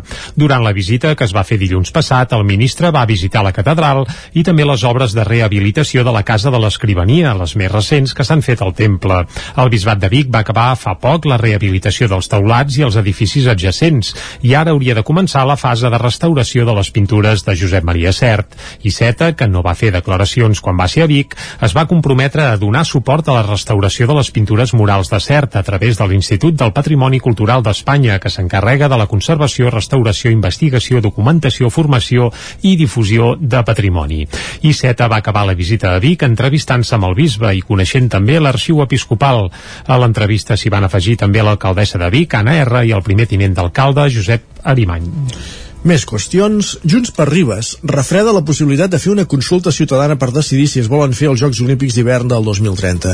Isaac Muntades, des de la veu de Sant Joan. Al ple de finals de novembre, els tres grups municipals de l'Ajuntament de Ribes de Freser van decidir deixar sobre la taula una moció de la CUP que instava el govern de la Generalitat de Catalunya a fer un referèndum a les vuit comarques del Pirineu afectades per la candidatura dels Jocs Olímpics d'hivern 2030. D'aquí va néixer la idea de fer una consulta popular només a Ribes si no es duia a terme aquesta més general. Aleshores, l'equip de govern de Junts per Ribes va demanar demanar votar-ho al pròxim ple perquè veien amb bons ulls la part dispositiva, però no el text, ja que segons ells carregava contra el model turístic. Aquest cop la moció sí que es va votar i tampoc va prosperar per falta d'entesa prèvia entre els tres partits. Els quatre vots a favor de Tots Fem Ribes, Esquerra Republicana i de la CUP van ser insuficients davant els 5 de Junts. Això sí, per votar-hi a favor i no abstenir-se, els republicans havien demanat que s'hi incorporés un punt zero que instés a les administracions a explicar el projecte, ja que ningú el coneixia. Àlex Medrano de la CUP va contestar-li que se n'han fet un fart de demanar-lo i no els hi han donat. L'alcaldessa Mònica Jaume va explicar el motiu del vot contrari. El rerefons de la moció és el mateix que van presentar, sí que els agraïm el canvi de text, la reformulació no?, que se'ls va demanar en aquell moment, però nosaltres no compartim la concepció del model turístic que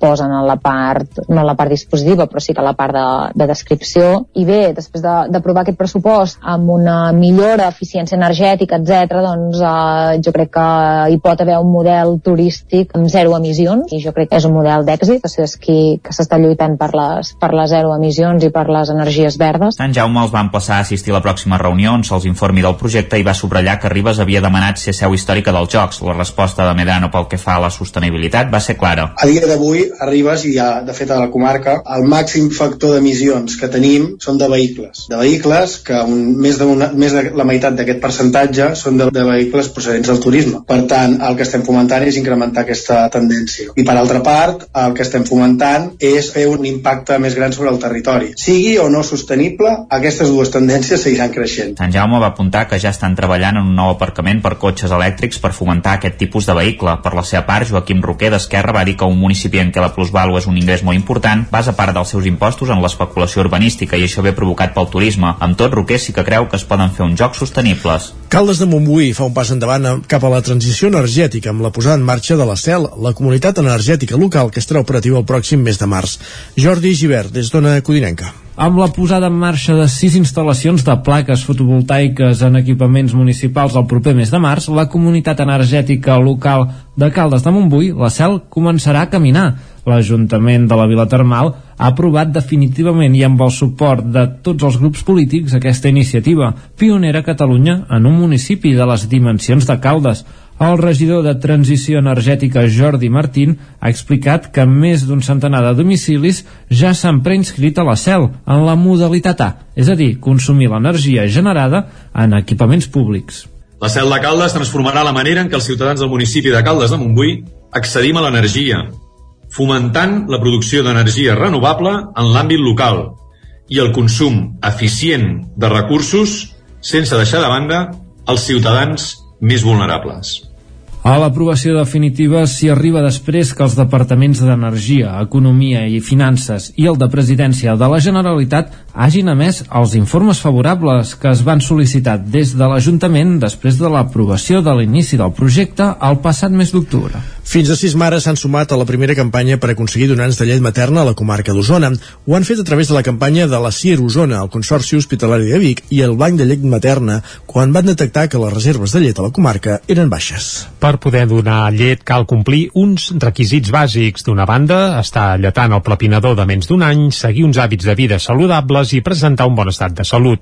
Un dels motius principals perquè algunes mares s'hagin afegit a aquesta campanya és precisament la solidaritat. És el cas de la Judit Oriols i de l'Alba Márquez, dues mares donants de llet de, de donants de llet materna. Les escoltem a totes dues. Com que veia que tenia prou de llet i que, bueno, i que si mai a mi em passava que tenia un nen prematur o qualsevol cosa així que m'agradaria que el meu fill pogués uh, optar, bueno, tenir aquesta opció. Des d'aquí ens ho van facilitar molt més perquè si no havíem de desplaçar-nos a altres llocs i el moment que aquí ens ho van facilitar va ser un, ara ja no ja està, ja no hi ha res que m'impedeixi tirar-ho endavant. Bueno, a les xarxes socials, arrel de buscar tanta informació sobre lactància, doncs va, vaig trobar això del banc de llet, m'hi vaig interessar una mica, em va, va, em va agradar la idea, llavors vam llegir el mateix, lo de, de que els recursos doncs, eren una mica baixos, i al fer la campanya de Quibic, la veritat és que ho van posar molt fàcil per poder-ho fer.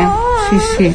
I això, doncs, per tema de solidaritat. Des del mateix servei de la CIU Osona s'ofereix una consulta de suport a la lactància materna per problemes més específics que no es poden resoldre des de pediatria o les llevadores de les àrees bàsiques. Un recurs que durant el 2021 va triplicar les consultes respecte al 2017, quan es va iniciar el servei. Això sí, la pandèmia va fer que les consultes fossin online en un moment complicat per moltes mares lactants. Ho explica Raquel Moreno, llevadora i conductora del grup de suport a la lactància materna Considero molt rellevant que durant la pandèmia hi ha hagut molta sensació de soledat amb la maternitat, no? Ah, hi havia aquesta, evidentment, col·lectivament hi havia aquesta por no? a ser infectat i que amb la maternitat és molt, molt important el, el fet de fer tribu, de compartir inquietuds, experiències, inquiet, eh, dubtes, no? que moltes vegades eh, um, durant aquest procés ha sigut molt dificultós no? poder-ho trobar, fer aquestes trobades més col·lectives. La consulta específica de lactància materna de la Cir Osona està oberta els dimarts i dijous al matí amb cita prèvia al CAP Osona i el grup de suport a l'alletament matern atén els dijous al matí ja sigui de forma presencial o online. Torna a la plec de Sant Hilari de Cardedeu sense foc ni àpats. Després d'un any sense plec, aquest diumenge es mantenen els actes tradicionals del matí a l'aire lliure. Núria Lázaro, des de Ràdio Televisió Cardedeu. Aquest diumenge 16 de gener es celebrarà la plec de Sant Hilari a Cardedeu.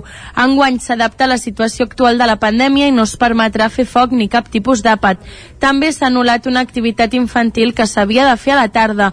Tot i fer-se a l'aire lliure, l'ús de la mascareta és obligatori. Segons ha informat l'Ajuntament, es mantenen els actes tradicionals, tots al matí.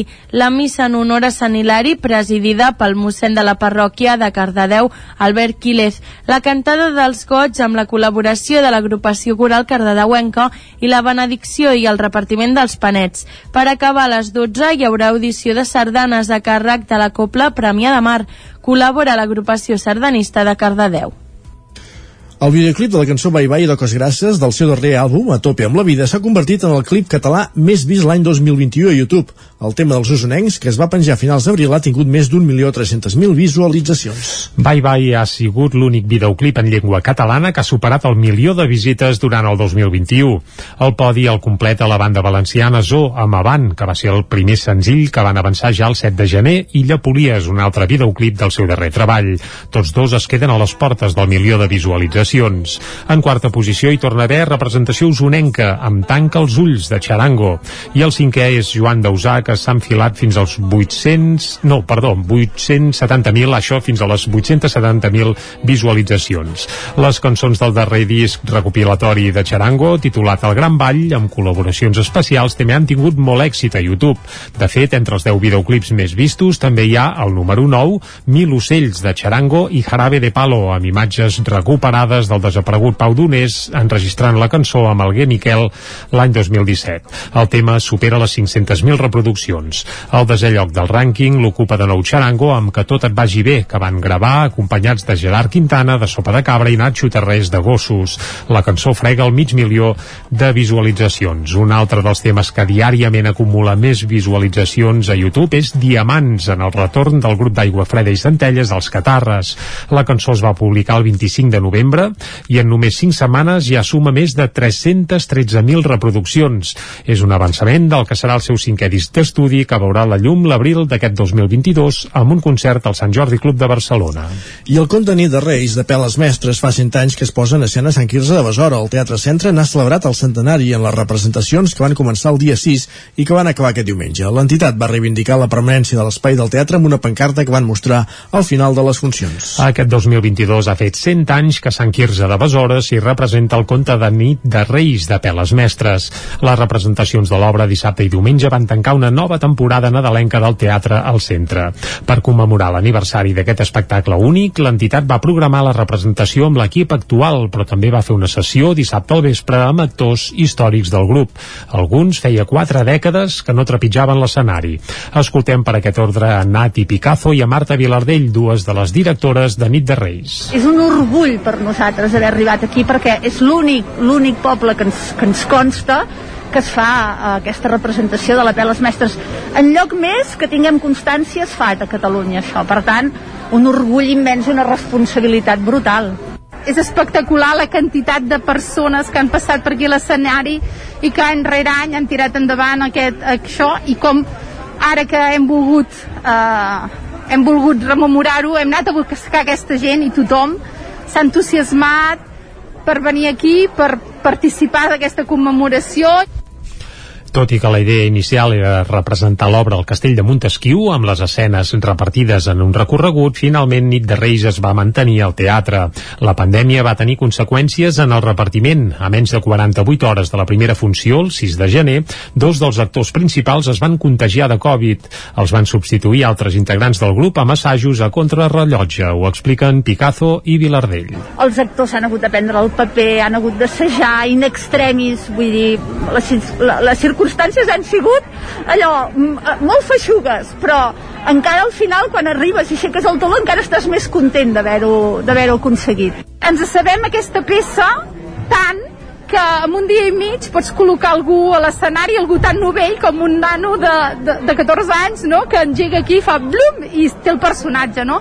I és perquè el centre és una família, és, és història, i llavors tots ens sabem els personatges, eh? ens podem substituir perquè ho portem ja tan a dintre que surt. Totes les sessions, tant dels pastorets com de nit de Reis, van acabar amb tots els participants dalt de l'escenari amb una pancarta reivindicativa. Amb el lema «El centre no es toca», demanaven la permanència del teatre i mostraven el seu malestar pel conflicte que el centre té amb un veí del poble. Acabem aquí aquest repàs informatiu, falta un minut i mig perquè sigui un quart d'onze, eh, un repàs informatiu que començàvem a les 10 en companyia de Núria Lázaro, Jordi Sunyer, Jordi Givert i Isaac Muntades i és moment ara de saludar en Pep Acosta per conèixer la previsió meteorològica. Casa Terradellos us ofereix el temps. Doncs vinga, saludem de nou en Pep Acosta perquè ens expliqui el temps que ens espera per avui. Pep, salut i bon dia. Hola. Què tal? Molt bon dia. Bon dia, bon Ens dia. veiem unes temperatures força baixes, mm -hmm. sobretot cap a la zona també del Pirineu, mínimes de 7, 8 sota 0 alta muntanya. La majoria de poblacions entre el 0 i els 5 graus en les comarques. Hi ha algunes glaçades cap a Osona, també cap a Ripollès, al Moianès, glaçades, temperatures del tot normal per l'època de l'any, eh, no cap onada d'aire fred ni molt menys, tampoc cap glopada d'aire calent, no serà un anticicló calent, com fa 10 dies que en tenir, sinó serà un anticicló més aviat normal, normal, molt normal per l'època de l'any. Uh, dominarà el sol, molt, molt de sol, les boires encara no s'instal·laran avui, uh, és el primer anticicló i encara uh, no hi ha temps perquè s'instal·lin les boires, però mica en mica, a la que avanci la setmana, les boires s'aniran intensificant, sobretot cap a zona del Vallès i també cap a Osona, cap a la plana de Vic i també cap al Moianès. Aquestes zones, la boira serà protagonista les, els pròxims eh, dies. Avui no, eh? avui encara no, avui serà, farà molt de sol a les comarques, eh, res a veure amb el dia tapat d'ahir, eh, dia més aviat fred, tapat, doncs avui no, eh? avui serà un dia molt assolellat, el sol serà el protagonista del dia sense cap mena de dubtes, algun núvol prim, molt poca cosa, i les temperatures màximes una mica més altes, i la sensació serà de no tan fred, ja que farà molt més sol.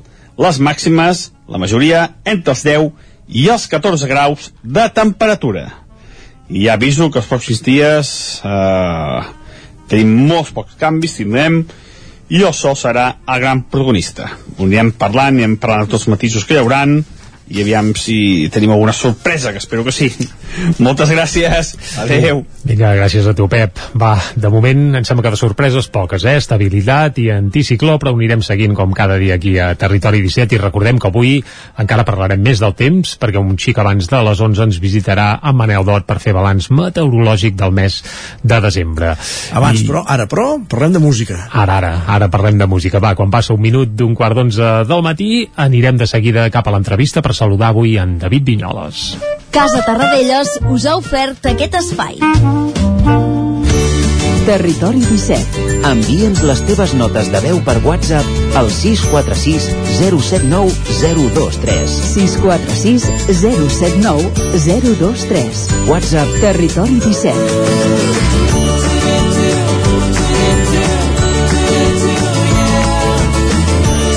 Territori 17. Som a Facebook, Twitter i Instagram amb l'usuari Territori 17.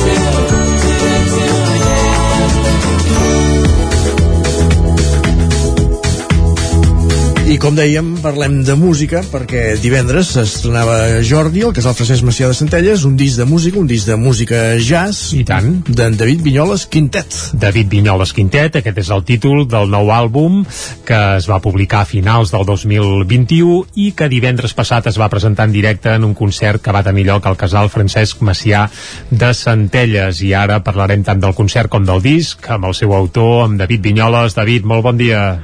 Hola, molt bon dia a tothom. Com va anar aquest concert de presentació de divendres?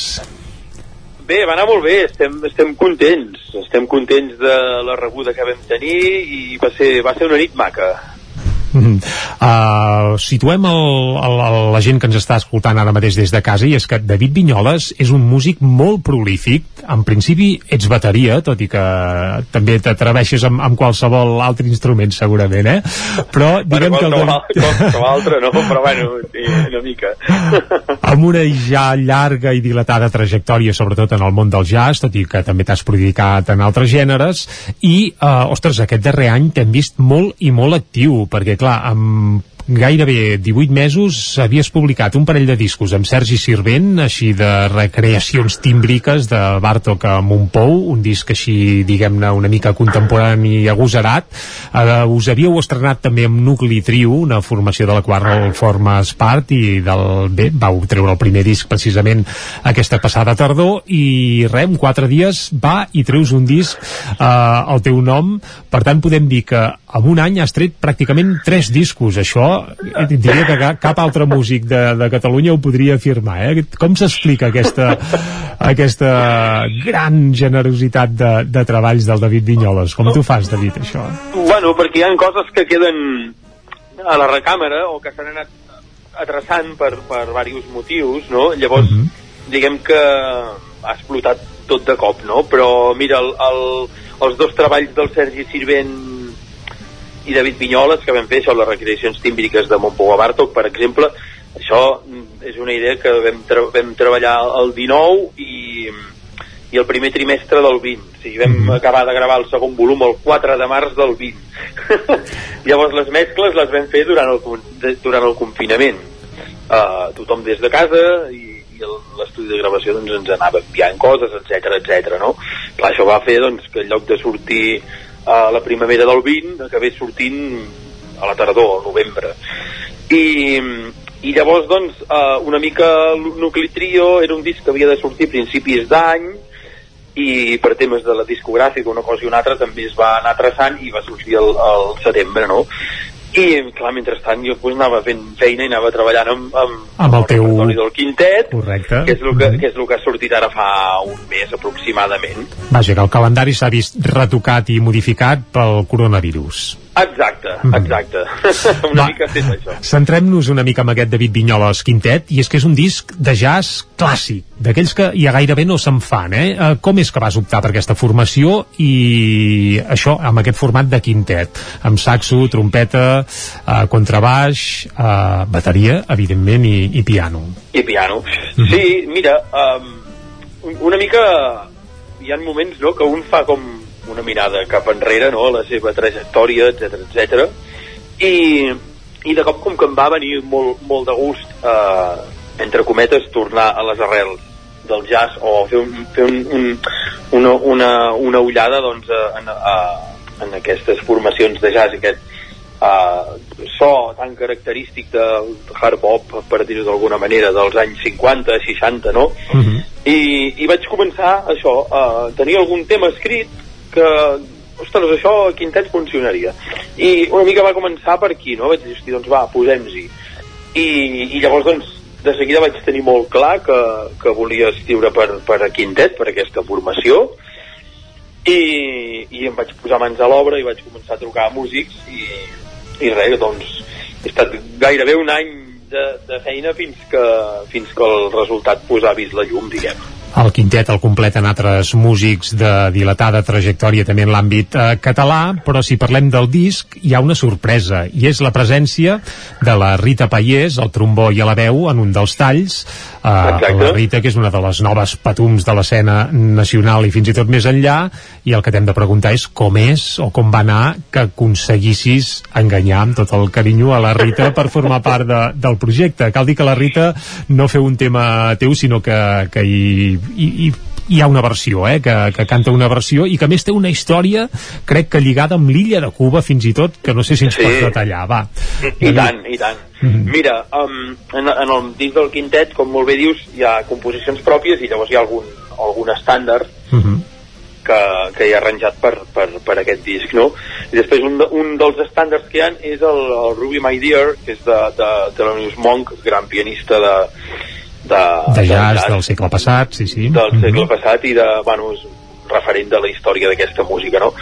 I em venia molt de gust fer aquest Ruby My Dear, que ja tenia mig al cap de, de quan vaig estar a Cuba al, principis del 19, vaig fer un parell de concerts a, a trio al Festival de Jazz de l'Havana, i em vaig emportar aquest, aquest arranjament del Ruby My Dear, mal, que la lletra original en anglès és de la Carmen McRae, i mm, quan la vaig sentir per primera vegada la Carmen vaig dir, això podria ser un bolero, o se podria costar una mica el bolero, no? I després a Cuba doncs em vaig emportar la traducció de la lletra del Ruby Maider a, a l'espanyol, que la va fer la, la Montse, la meva companya, va fer la traducció i l'adaptació de, de la lletra, i mm, al final no vaig poder-ho quadrar per fer res a Cuba amb això, no? però estava allà al calaix i quan estava muntant el disc aquest vaig dir, hosti, el Ruby amb aquell arranjament i Això ho hauria d'encabir el disc, eh?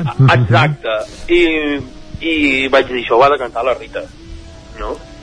i Però tu no coneixies la Rita.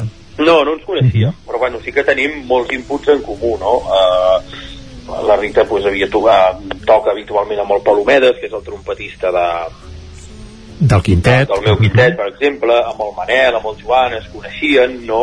I després va ser com molt fàcil l'input, no? Pues, una trucadeta, li vaig explicar, mira, soc tal, tinc això, et vindria de gust, i, i de seguida va dir, home, i tant. Vull dir que va ser com tot molt fàcil, no? I va ser una experiència supermaca, no? Va, l'escoltem, l'estem escoltant de fons i el resultat és excepcional, eh? no está.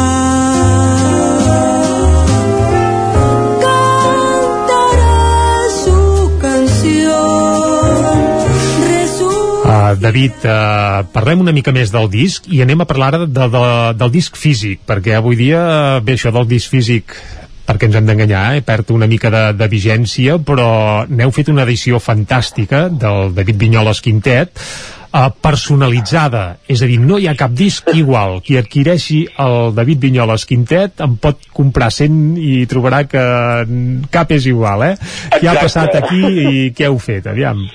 Bueno, mira, la idea, jo encara tinc aquest punt de romanticisme del físic, jo he crescut amb, amb vinils i amb Mhm. CDs i, i m'agrada, no? I després, doncs, eh, ens vam decidir a fer el, el format físic, però volia fer alguna que sortís una mica de, de, del típic digipack, no? I amb la Irma, la dissenyadora de Pisca Studios, doncs hi vam estar donant voltes i vam acabar fent doncs això, aquest disseny que és molt clàssic, no? que podria ser un, un, un disc a nivell de tipografia Sí, i, sí, de jazz i de- d'aquests del de segle jazz passat, per d'aquests, exemple. Mhm. Correcte. Però llavors hi vam anar a buscar un punt de personalitat i un punt, entre cometes, una mica gamberro, per dir d'una manera, i, i és que el, el, el toc de color, que aquí doncs ja entrem en que hi ha discos en taronja i discos en blau, eh, li vaig donar jo amb, personalment, no? Després hi ha alguns discos que tenen la meva empremta, ha la, la meva mà o, Mhm. o uns dits o el que sigui, no? Uh, pues que em vaig pintar la mà amb pintura sucant allà com un boig i anar, marca, anar marcant I, discos I, per cert, també estan marcats en braille, eh? Expliquem-ho també, eh? i l'altre, doncs és, que, és algo que sí que feia molt temps que tenia ganes de fer i era pues, fer un, un, un CD o un disc eh, on inclogués l'etiquetat en, en, en braille, no? Mhm. I això també ho vaig fer jo eh, personalment, doncs, vaig, vaig fer les etiquetes i les vam enganxar. David, tenim, tenim 10, Tenim 10 segons, de- 10 segons perquè ens expliquis que aquest disc també aterrarà a Barcelona, la presentació. Quin dia i on serà això? Correcte, el 30 de gener a les 7 de la tarda al 9 de 79 de Barcelona. Allà presentarem el disc. Doncs, David, moltes gràcies per acompanyar-nos avui a Territori 17 a parlar-nos d'aquest David Vinyoles Quintet i molta Moltes sort amb aquest concert a Barcelona. Perfecte, moltes gràcies. Que vagi molt bé, David. Nosaltres ara Merci. farem una breu pausa, 3 minutets, tornem a dos quarts en punt aquí a Territori 17. El nou FM, la ràdio de casa, al 92.8. Les males herbes no et deixen veure-hi clar? Amb Sebastià Vivet això s'acabarà. Desbrossaments forestals de finques i terrenys, treballs d'hort i boscos amb tractor, tallem gespa a l'engròs, som professionals i tenim tota la maquinària necessària. Truca'ns al 636 24 22 85. Sebastià Vivet, preparats pel que calgui. Saps què és el confort intel·ligent? És tenir un terra radiant Giacomini a casa. Benestar que no es veu, però es nota tot l'any. I que pots controlar a distància des del teu mòbil, estalviant energia i diners. Suma't al confort intel·ligent amb Giacomini. Informa't a giacomini.es o truca al 93 884 1001 i t'ajudarem a tenir un terra radiant a casa o a l'oficina. Giacomini, la climatització que et mereixes.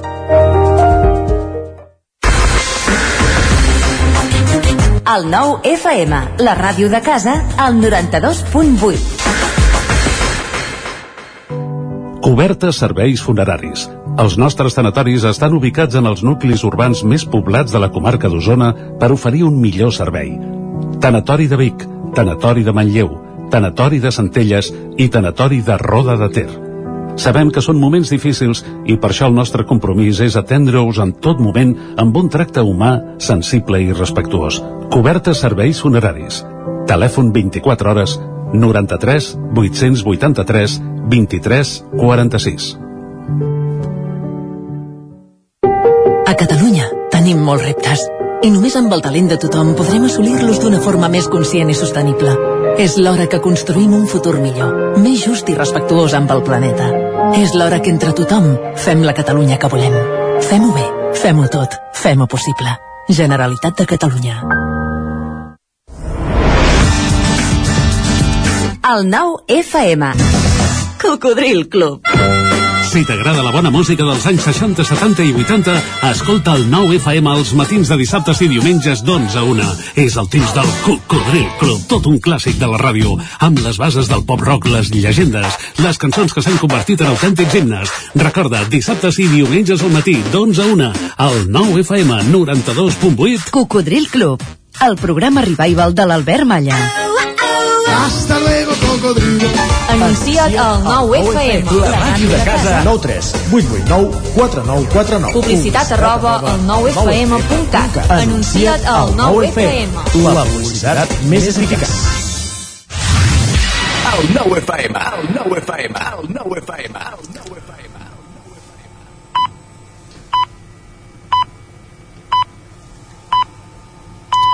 Dos quarts d'onze.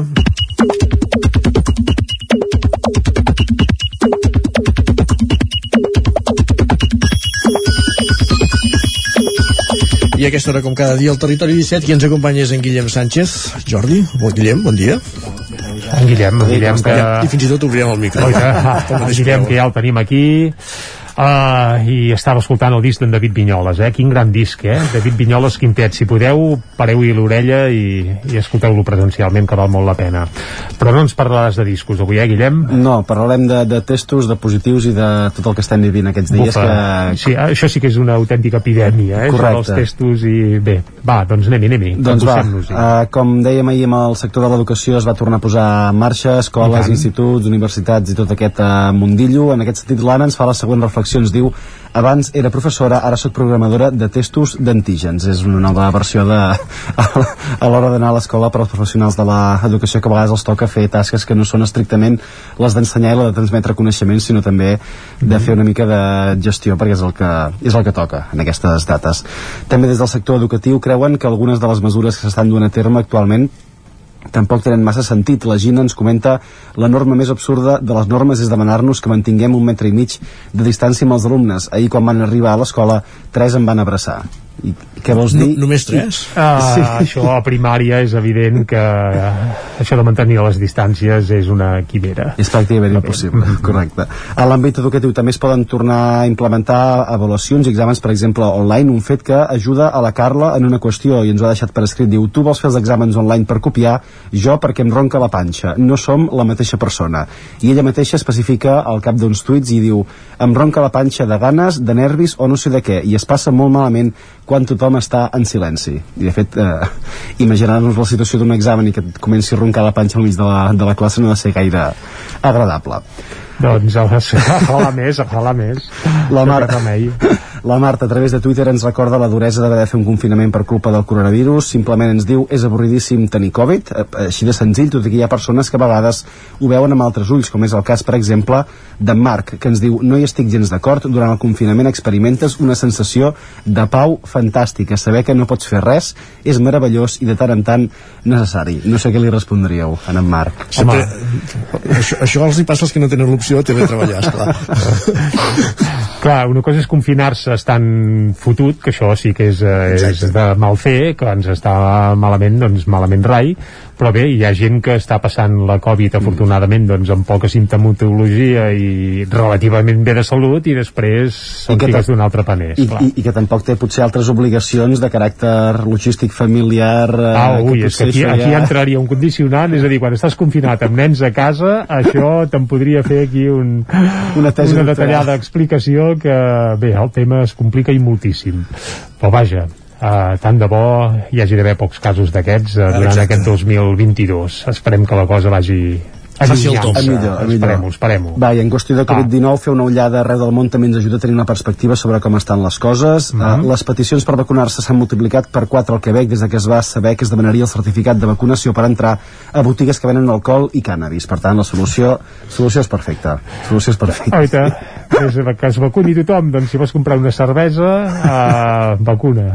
Està bé, va dir, això de les botigues de cànnabis també té certa, certa gràcia. Sí, de fet, com han escrit alguns dels usuaris, diu si aquí venguessin cànnabis a les botigues, els negacionistes més cunyats portarien ja la pauta completa al dia. Segurament seria una manera de- d'ajudar a augmentar el percentatge de vacunació d'algunes franges Bé, de... quan es va imposar el passaport Covid per entrar a discoteques, doncs ja hi va haver un repunt important en la vacunació. Per tant, és evident que, que hi ha efectes uh, directament lligats a això, a incentius d'aquest tipus. Més Va, coses. I va. després d'uns dies de consumisme en l'àmbit comercial amb compres de menjar i altres tipus de productes, en Jaume ens planteja una qüestió. Ens diu, i vosaltres què compreu compulsivament per si de cas?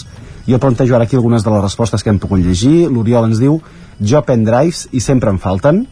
La Susana ens comenta formatge i xocolata, no fos cas que me'n quedés sense. I la Mireia ens diu plantes, bulbs i llavors. Tenim un pati de 5 per 3 metres. No sé amb quina de les opcions us identifiqueu més vosaltres, Isaac i Jordi. Xocolata i formatge, per favor. I, I la veritat és que amb cap, eh? No, no sabria què dir-te. Però no teniu la sensació a vegades que compreu més d'alguna cosa perquè sí, per no quedar-vos mai sense? Mm, ara m'has agafat aquí amb els pixats al ventre, eh? Hi havia molta gent que responia també llibretes, bolígrafs i, i llapisos, que és una cosa que a vegades quan veus sempre penses que et faran falta i llavors no mai acabes utilitzant. Jo potser sóc més d'aquesta... Sí, a casa meu els Reis han passat uh, molts folis, allò, paquets d'aquells de 500, però més que res, més pels fills que pels papes, eh? que dibuixen molt. Que sempre tenen idees. Sí, exacte. Sí, sí, sí. Doncs va, abans d'acabar un consell de vida, un consell de vida que ens acosta l'Anna a través de Twitter, ens diu estic copiant paraules del paraulògic del senyor que tinc al costat del metro. S'han de saber aprofitar sempre les oportunitats. Això del paralògic sí que és tot un fenomen i que va bé per entretenir-se si s'està confinat, per exemple. Per tant, goita, deixem anar idees i tot. Correcte, doncs va, aprofiteu les oportunitats també aquest, aquest dimarts, Jordi Isaac. Vinga, Guillem, moltes gràcies. Que vagi bé. Vagi bé. Uh, I fem un cop d'ull a la portada de, del 99.cat. Ara mateix, en l'edició d'Osona i el Ripollès, s'obre explicant que la indústria càrnia puja al carro dels aliments amb proteïna vegetal. És a dir, que això de fer hamburgueses sense carn, doncs ja es fa i, a més a més, empreses d'Osona que no l'hora veuren ja. També cues fins a última hora a la pista de gel del Bada Nadal de Manlleu, una pista que ara ja no està activa, però eh, hi ha un reportatge on s'explica que ha triomfat de nou aquesta pista aquest hivern, i rècord de contagis de Covid en una setmana, a prop de 4.000 a Osona i més de 500 al Ripollès. Anem cap al Vallès Oriental, ara mateix el 99.cat, eh, de color verd, obre explicant que el 2021 es tanquen 10 persones mortes a les carreteres vallesanes, Lliçà de Vall aposta per reformar la plaça de la Vila per donar-li vida i també hi apareix que l'Estat encarrega la redacció del projecte de la nova estació de Parets, la nova estació de, de tren, evidentment. Molt bé, gràcies Jordi, gràcies Guillem. Moment d'anar a la taula de redacció. anem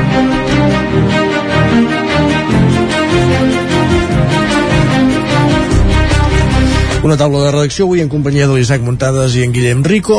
Isaac Muntades, bon dia. Bon dia. Per parlar de la situació Covid al Ripollès, bàsicament. Com, Sí, és- com, com tenim el tema? Bàsicament malament, com a tot Catalunya, vull dir, no, no ens hem, no ens hem d'enganyar. El que sí que avui destacava que era molt curiós és que tu miraves el, el, el mapa de la pàgina web de, de dades Covid i veies que el, el, pel que fa a l'RT, la propagació de, del virus, el Ripollès era eh, l'única comarca que estava pintada de verd, quan fa unes setmanes pràcticament era la, era la pitjor, no? era la que estava més, més vermella, això és perquè doncs, a- aquest risc ha baixat a, a 0,99 per sota de l'1, és a dir, cada 100 persones doncs, en contagien a 99, per tant, això sí que és la, una dada positiva, el que passa és que la resta de dades són, són molt negatives encara, dins del fet que sí que és veritat que, que ha baixat una mica eh, el que vam passar una mica per la Puríssima i per aquestes eh, festes. Per exemple, dades així que us podem explicar. Eh, una cosa que destaca molt és que hi ha 19 pacients que estan hospitalitzats a, a Can de Bànol, a l'Hospital Comarcal del, del Ripollès. És una xifra que feia temps que no vèiem, eh, pràcticament des de eh, èpoques pretèrites de l'abril o el març de, de l'any 2020, de quan va començar la pandèmia. També hi ha 12 professionals que, que són positius o estan aïllats, per tant, això també eh, és important eh, destacar-ho. I, i l'índex de risc de rebrot hem de dir que ara mateix està a més de 4.000 punts que és una autèntica bestiesa o sigui, mm, pràcticament doncs, dels, dels més alts de, de Catalunya el que passa que, clar, eh, fa una setmana això s'enfilava per sobre dels 5.000 punts vull dir que realment s'han baixat més de, més de 1.000 punts però dins de continua sent una situació molt, molt greu. A més a més el Ripollès, que és una comarca doncs, que té una població d'aproximadament d'aproximadament 20 una mica més de 25.000 eh, habitants, doncs registrava eh, 500 casos positius per setmana, que era una cosa que no s'havia vist fins ara, era rècord de, de la pandèmia. Ara s'ha baixat per sota de 500 però continuem estant amb 400 eh, i molts. Per tant doncs són xifres realment eh, preocupants eh, sobretot produït per aquesta variant Omicron i d'alguns brots massius que ja us vam comentar doncs, abans de, de les vacances. Gairebé podem parlar d'un 25% de, de positius de tots els testos que es feien. Una cada quatre persones era que es feia un test a donar positiu que és, que és, que és molt, eh? són 1.600 proves les que, les que s'han fet de, darrerament Uh, però bé, aquesta és, uh, és la situació uh, que hi ha actualment per sort el Ripollès també és uh, sabem que és una comarca envellida i això evidentment és un problema però també és una comarca que la que el percentatge de persones vacunades doncs és, molt, és molt alt, més del 80%. Uh, pràcticament hi ha més de 20.000 persones doncs, que tenen una dosi, pràcticament 20.000 arriben a la pauta completa i a més a més eh, 9, més de 9.000 ja tenen les tres dosis. Eh, ara també s'ha obert per exemple avui a la tarda i demà al matí hi ha una vacunació pot, pots anar-te a vacunar s'ha obert la llista sense, sense espera diguéssim per, per vacunar-te al Salt d'Agrets de Ripoll fins que s'exaureixin la, les dosis. Vull dir que s'està intentant doncs, acabar de, d'inocular doncs, tots, el, tots els vaccins que, que hi ha, que, que això és el més, el més important, però ja veieu que, que està complicada la cosa, tot i que com que el Ripollès va ser de les primeres comarques que va començar-ho a patir, també s'està veient que està sent de les primeres que està desaccelerant la, la pandèmia. Veurem com evoluciona. Eh, Sentíem declaracions ahir de, de l'àmbit de la salut que, que la corba ho pod- ho podria començar a tombar a partir de, de febrer. Veurem si, si la cosa evoluciona cap aquí. Gràcies, Isaac. A vosaltres, adeu, bon dia. Bon dia. Continuem la taula de redacció, com dèiem en companyia ara de- d'en Guillem Rico, per parlar d'aquesta informació que us donàvem al principi del programa, d'aquestes dues escoles que estava previst que cobrissin les portes ahir, dues escoles reformades o renovades o noves, però que no està del cas. Exacte, bon es va tard. Bon dia. Sí, això de les obres sempre acaba sent el mateix i ara sí, el problema que hi ha és aquest, aquesta dificultat perquè arribin els, els materials constructius a banda de, de l'encariment, exacte, les matèries primeres i això fa doncs, que s'encareixin els projectes i en aquest cas que hagin anat amb retard. Estem fent referència a les escoles de Muntanyola, l'escola de Muntanyola que es va estrenar el 2007-2008 i des de llavors estan mòduls prefabricats. Eh, durant anys han reclamat aquest nou edifici. Ja havien començat, sí, ara finalment havien començat les obres, havien modificat el projecte per fer-lo una mica més adaptat, diguem, a l'arquitectura la, de, del municipi, recobert en pedra, etc. És un edifici també en fusta, eh, i això també encaria una mica el, diguem, el, el projecte i què, què passa ara? Doncs que, que preveien tant a Muntanyola com a l'Institut Escola Carles Cap de Vila de Balanyà eh, estrenar-lo després de les vacances de Nadal, poder fer el trasllat durant aquests dies de, de Nadal. En el cas de, de Muntanyola doncs hi havia el problema que no arribaven els, eh, uns materials per fer la, les finestres que van arribar mitjans de la setmana passada, per tant encara no s'han col·locat i encara en faltaven alguns altres d'algunes portes, per tant això vol dir que compten que almenys fins a final de mes doncs, no estigui tot acabat, llavors s'ha de fer el el traspàs, diguem, de l'edifici per part de la constructora al departament, eh, clar, i llavors també s'ha d'omplir, s'ha de fer el trasllat i tot això vol dir que compten que almenys fins a finals de gener o principis de febrer no es pugui fer. El que preveien els dos ajuntaments era poder fer el trasllat durant les vacances de Nadal per poder-ho fer amb més calma, ja ha passat en altres, en altres ocasions, en altres escoles noves de, de la comarca que s'han estrenat això després de Nadal, després de Setmana Santa aprofitant um, la parada. la parada per poder fer el canvi més ràpid que no sigui allò fer-ho amb, amb un cap de setmana. Recordem que l'escola de Muntanyola um, eh, serà un 180.000 euros més cara del que estava previst inicialment um, perquè precisament pel preu dels materials. I llavors um, hi ha aquesta diferència respecte al que, al que, hi, havia, al que hi havia previst. Uh, i, i llavors en aquest cas el nou centre són, eren, estava previst que costés 1.200.000 euros i s'hi han de sumar aquests 180.000 euros de, de sobrecost. I una part de la finança, la, la major part la, la, el Departament d'Educació llavors tenen ajuts de la, de la Diputació i llavors l'Ajuntament també va vendre unes parcel·les del municipi per fer diners, diguem, per, per poder finançar part de l'escola. De fet, el fet aquest de que els ajuntaments avancin els, els diners fa que, en aquest cas de Balanyà i Muntanyola, puguin hagin pogut avançar les construccions d'aquests nous edificis um, cosa que no han pogut fer altres llocs on hi han projectes um, encallats mm -hmm. encara com pot ser l'Institut del Ter de Manlleu o l'Institut de Gurco, aquest sí que hauríem de veure que comencen les obres properament i, en el... no, perdó, acaba, sí, acaba. Que anava a fer-te una pregunta però te la faig després. Val, no, anava a dir, i en el cas de l'Institut Escola de Balanyà eh, l'Institut Escola eh, Carles Capdevila que es van estrenar amb la secundària ara ja, ja hi ha alumnes de fins a segon d'ESO doncs eh, també preveuen eh, poder-lo estrenar aquí en aquest cas sí que ja estaria acabat falta fer el traspàs aquí sí que va sortir per 2 milions d'euros i, i el sobrecost de, pels materials, etc serà finalment d'uns 80.000 euros. En aquest cas, com que en el concurs, en comptes de valorar la rebaixa del cost, eh, valoraven les millores, doncs s'han deixat de fer algunes millores per compensar, com per exemple una taulada d'un edifici eh, antic que no ha fet falta i per tant doncs amb el que s'han pogut anar estalviant doncs aquest sobrecost no ha set, no ha set tant i aquí sí que compten que també en les properes setmanes doncs també es pugui fer aquest traspàs de l'edifici per part del Departament d'Educació. De, eh, quan parlem de trasllats, que comentaves l'època bona, o que s'aprofita per fer-ho és les aturades de Nadal o de Setmana Santa, hem d'imaginar que, que esperaran ja Setmana Santa fer el trasllat als nous edificis o no hi ha data encara? Ells confien poder-ho fer abans, perquè si ja ho tenen no, no volen esperar tants dies perquè encara falten moltes setmanes. Sí que és veritat que no haver-hi cap pont eh, és més dificultós poder fer, fer aquest trasllat, llavors sí que hauran de fer un intensiu eh, al cap de setmana Uh, si en cas de que, que, que si, si tot va com ha d'anar en principi final de mes hauria d'estar. Per tant no esperaran a Setmana Santa. Ara mm, mai se sap. mai se sap, exacte.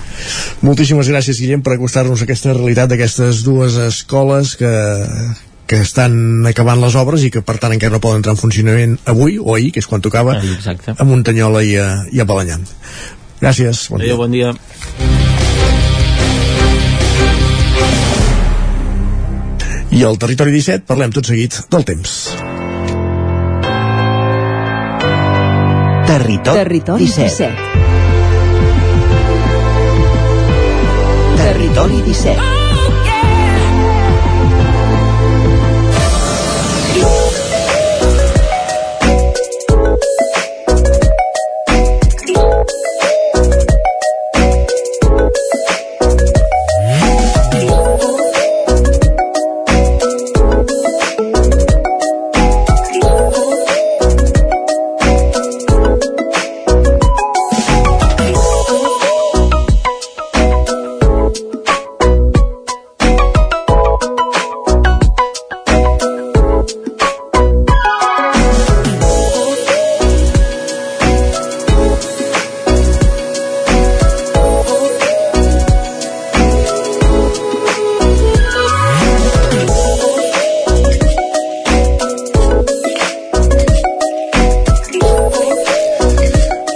Minuts perquè siguin les 11 i com cada dimarts, un cop al mes, ens acompanya al Territori 17 amb Manel Dot de la xarxa d'observadors meteorològics d'Osona per fer un repàs al que ha estat meteorològic per, meteorològicament parlant el mes que deixem, en aquest cas el mes de, de desembre, però avui també serà bo, farà bo fer un repàs a les dades més destacades d'un any que ja hem acabat, el 2021.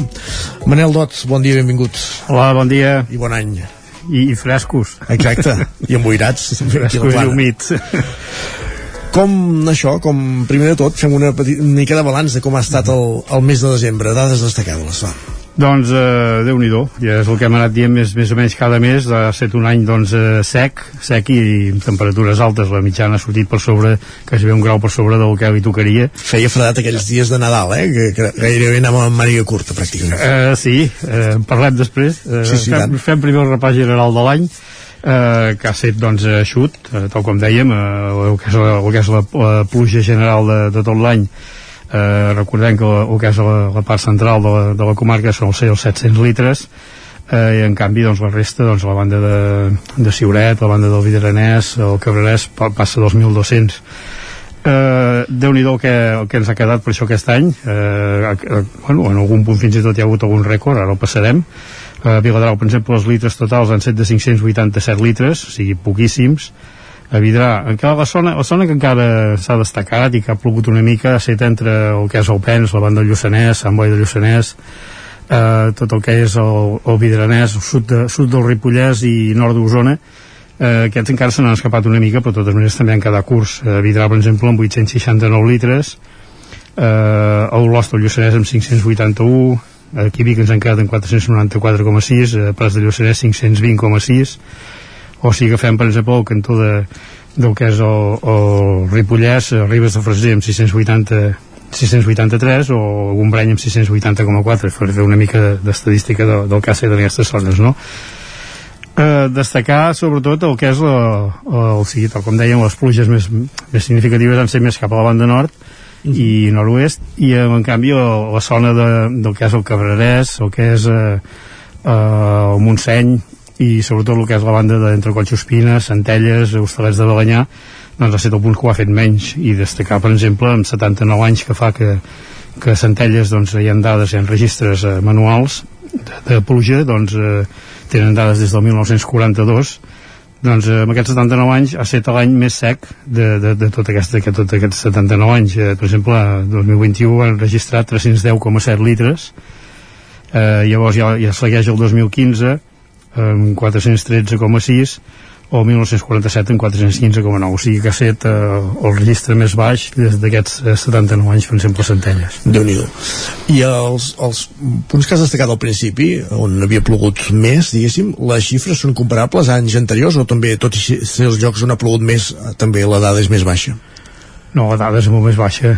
Molt més baixa i tant.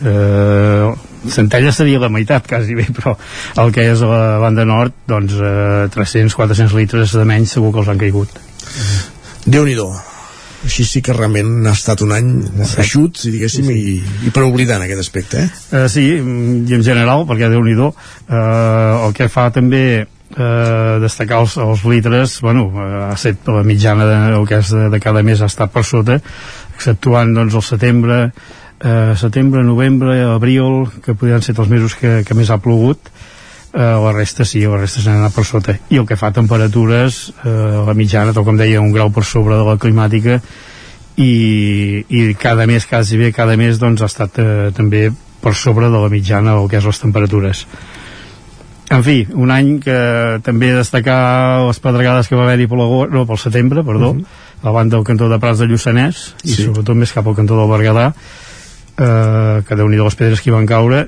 i el cas de tempestes tampoc n'hi ha hagut masses. Eh, sí que han set algunes de fortes.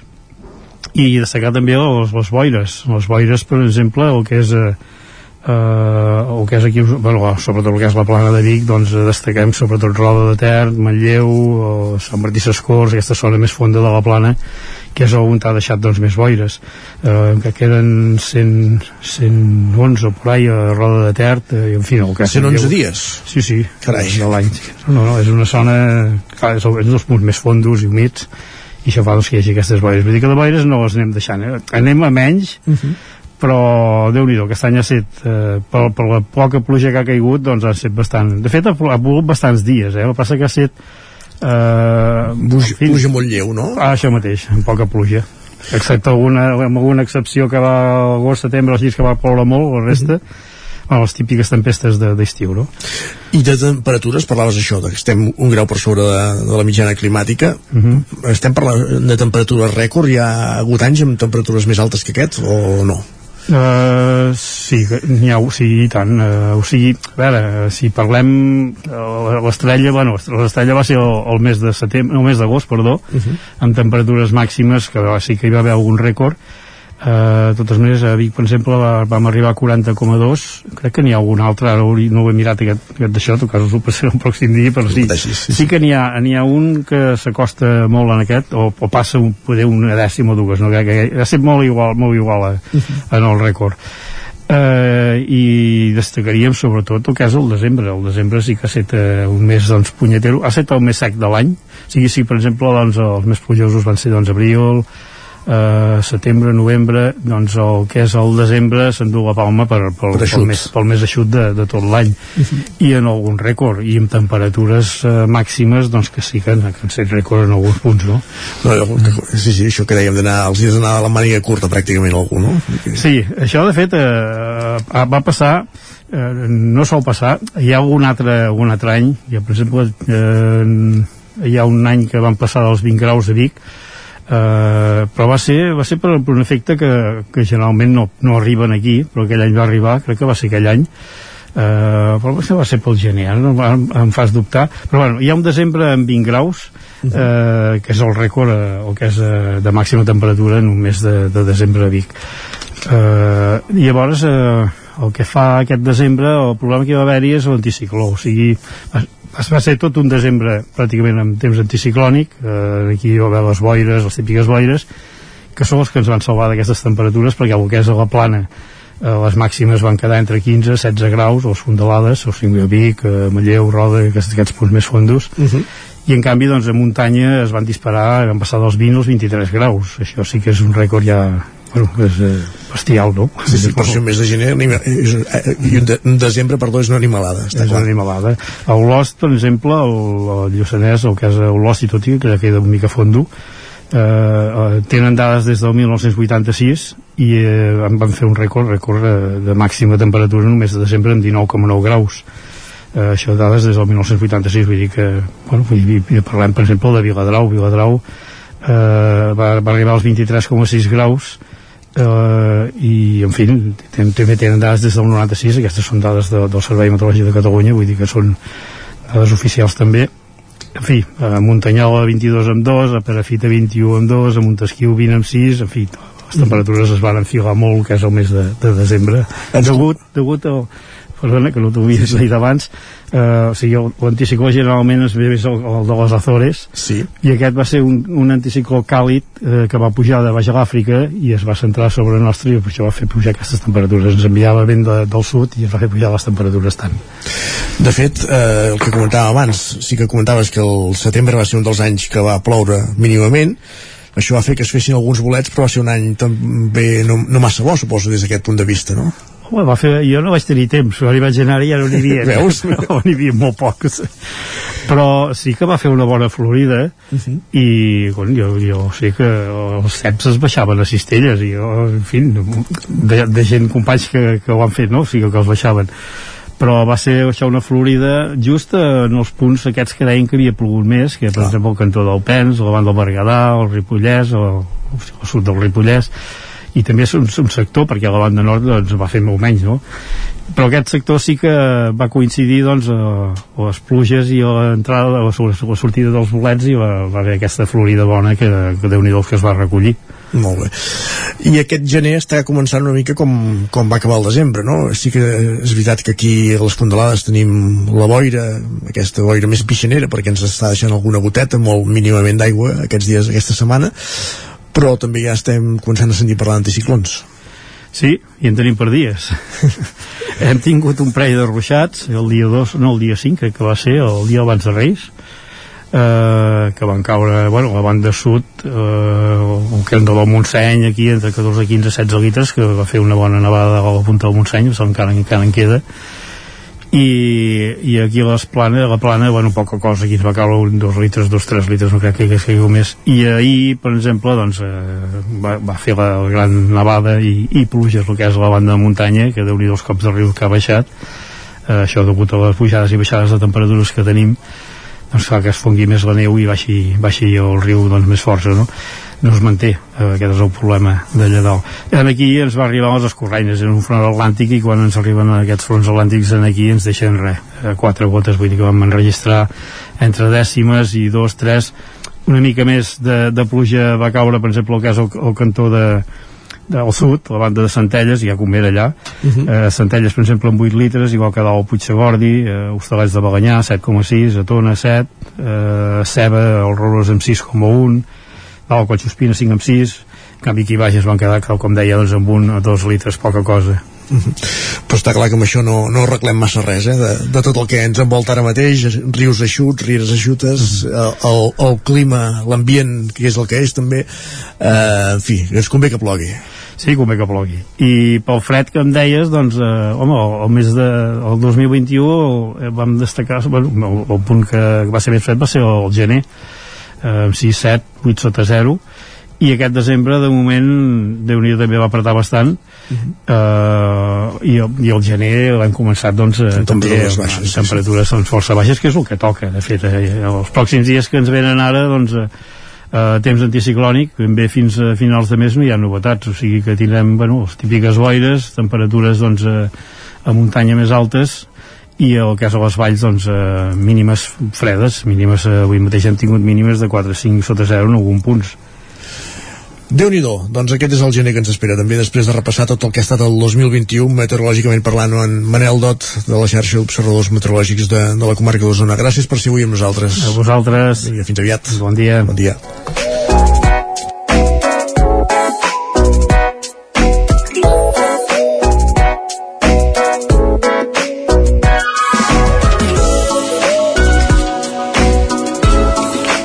Doncs amb el temps arribem a la recta final d'aquesta segona hora del territori 17 d'avui i ens en falta una fins a arribar al punt de les 12 i ho farem parlant d'economia. Després de, de repassar les notícies de les 11 parlem d'economia amb en Joan Carles Redondo i acabarem el programa després de passar per l'R3 amb el racó de pensar amb la Maria López des de Radio Televisió Cardeu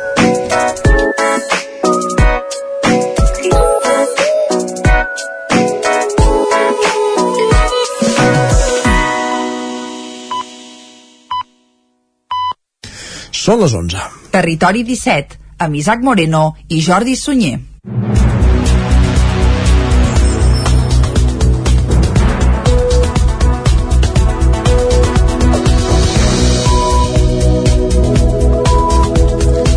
I a aquesta hora ens posem al dia. Ens actualitzem amb les notícies més destacades de les comarques d'Osona, el Moianès, el Ripollès i el Vallès Oriental, les comarques del territori 17.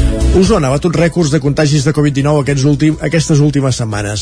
Més de la meitat dels testos d'antígens que, que està fent l'atenció primària donen positiu i tot i que la majoria de pacients passen la Covid amb símptomes lleus, el sistema sanitari està tensionat. Ahir els alumnes van tornar a classe després de les vacances de Nadal amb nous protocols en els confinaments a infantil i primària. Els centres educatius van reprendre ahir les classes després de les vacances de Nadal amb nous protocols anticovid. Els confinaments de grup a infantil i primàries faran faran quan hi hagi 5 casos o més en una classe o el 20% dels alumnes hagin donat positiu en un període de 7 dies. En aquesta franja, els alumnes immunitzats, és a dir, amb la pauta completa, o que hagin passat la malaltia en els últims 3 mesos, estaran exempts de quarantena. La Generalitat oferirà també test d'antígens gratuït a tots els alumnes que hi hagi un positiu a l'aula. Els testos també els tindran els alumnes de secundària, on es mantenen els protocols que hi havia fins ara. Ho detalla Imma Cervós, gerent de la regió sanitària Catalunya Catalunya Central. Hem vist que a l'entorn infantil doncs la transmissió del virus és més baixa i amb aquesta voluntat de facilitar la presencialitat i també que l'escola és un entorn segur, s'ha posat aquest llindar de nombre de casos doncs a partir dels quals es farà confinament. La tornada a les aules es fa en plena expansió de la pandèmia i quan a Osona s'han batut rècords de contagis. La setmana del 24 al 30 de desembre se'n van registrar 3.700 de positius de Covid i entre el 31 de desembre i el 6 de gener van ser 3.360. La variant Omicron per ara no té tanta incidència com la Delta als hospitals de la comarca. Actualment, a l'Hospital Universitari de Vic hi ha 65 pacients ingressats amb Covid, 14 dels quals a les UCI. A l'Hospital de la Santa Creu els ingressats per Covid Covid són 22 i a l'Hospital Sant Jaume de Manlleu n'hi ha un. L'atenció primària sí que pateix una atenció important. A tall d'exemple, les prop de 600 visites que s'han fet només aquest darrer cap de setmana. A l'alt volum de pacients s'hi afegeixen encara els contagis entre professionals sanitaris. Ara mateix n'hi ha un centenar de confinats a Osona. Ima Cervós. Les persones que tinguin o no tinguin sintomatologia, que es quedin a casa si són positius, si són positius amb sintomatologia que vagin a l'atenció sanitària i tot aquest testatge via de les mm, farmàcies quan tenen sintomatologia lleu per no sobrecarregar l'atenció primària. Per què? Perquè al tenir alta transmissió comunitària hi ha alta demanda dels serveis assistencials i per tant tenim una, un col·lapse a nivell de l'assistència sanitària d'atenció immediata. També s'estan registrant casos de Covid-19 majori majoritàriament lleus en residències d'Osona, un entorn especialment vulnerable. Salut recorda que cal mantenir les mesures bàsiques davant de la pandèmia, reduir les interaccions socials i teletreballar en la mesura que es pugui. Les autoritats sanitàries també recomanen la vacunació i la dosi de reforç per la que cal demanar cita prèvia. En aquests moments s'estan cobrint el 80% de cites disponibles tant per adults com per infants d'entre 5 i 12 anys. Muntanyola no va poder estrenar ahir l'escola nova pel retard en l'entrega d'alguns materials. A Balanyà, el nou edifici de l'escola Carles Capdevila també va amb retard i tampoc va poder obrir. L'augment de preu de les primeres matèries ha fet augmentant 180.000 euros el cost inicial de les obres del nou edifici de l'Escola de Muntanyola. La previsió era que els alumnes la poguessin estrenar després de les vacances de Nadal, però l'entrada al nou centre haurà d'esperar encara unes setmanes. Segons l'alcalde Carles Morera, s'allargarà fins a finals d'aquest mes a causa d'un retard en la recepció dels materials, concretament en l'alumini per a les finestres i els tancaments. L'Escola de Muntanyola va obrir el curs 2007-2008 i des de llavors les diverses generacions que hi han passat ho han fet en unes aules ubicades en mòduls prefabricats. El nou centre costa 1,2 milions d'euros, als quals s'hi han de sumar els 180.000 del sobrecost. D'aquest total, el Departament d'Educació en paga 850.000 i la resta els aporta l'Ajuntament, tot i que aquest té una subvenció de la Diputació de Barcelona de 227.000 euros. De la puja d'última hora, bona part l'assumirà també la Generalitat. Part dels diners que hi posarà l'Ajuntament provenen de la venda de 10 parcel·les del municipi. El nou edifici té uns 700 metres quadrats i s'ubica al costat d'on ara ha els mòduls i la llar d'infants. On ahir dilluns tampoc van estrenar el nou edifici és a l'Institut Escola Carles Capdevila de Balanyà. La previsió és que es faci l'entrega de l'edifici la setmana que ve. En aquest cas, el sobrecost de l'edifici, que va sortir a concurs per uns 2 milions d'euros, haurà acabat sent de 80.000 euros. Neix a Sant Celoni l'Escoleta Popular per enfortir la xarxa de suport mutu, un projecte d'educació creat per famílies vinculades a la plataforma d'afectats per la hipoteca i per veïns del poble. Núria Lázaro, des de Ràdio Televisió, Cardedeu. A Sant Celoni neix un nou projecte per infants i joves del poble. Es tracta de l'Escoleta Popular, un actiu més per enfortir l'associacionisme i la xarxa de suport mutu del municipi. Els objectius i el contingut del projecte es donaran a conèixer a la inauguració que es farà dissabte 15 de gener a les 11 del matí al bloc La Moraneta. El bloc La Moraneta, propietat de la Sareb, va ser recuperat per la plataforma d'afectats per la hipoteca i el capitalisme, la PA Baix Montseny al mes de maig de l'any passat per reallotjar-hi vuit famílies. L'edifici era buit des de l'any 2008. Tres germanes s'enduen la panera que sortejava l'Ajuntament de Ripoll per completar el calendari d'Advent.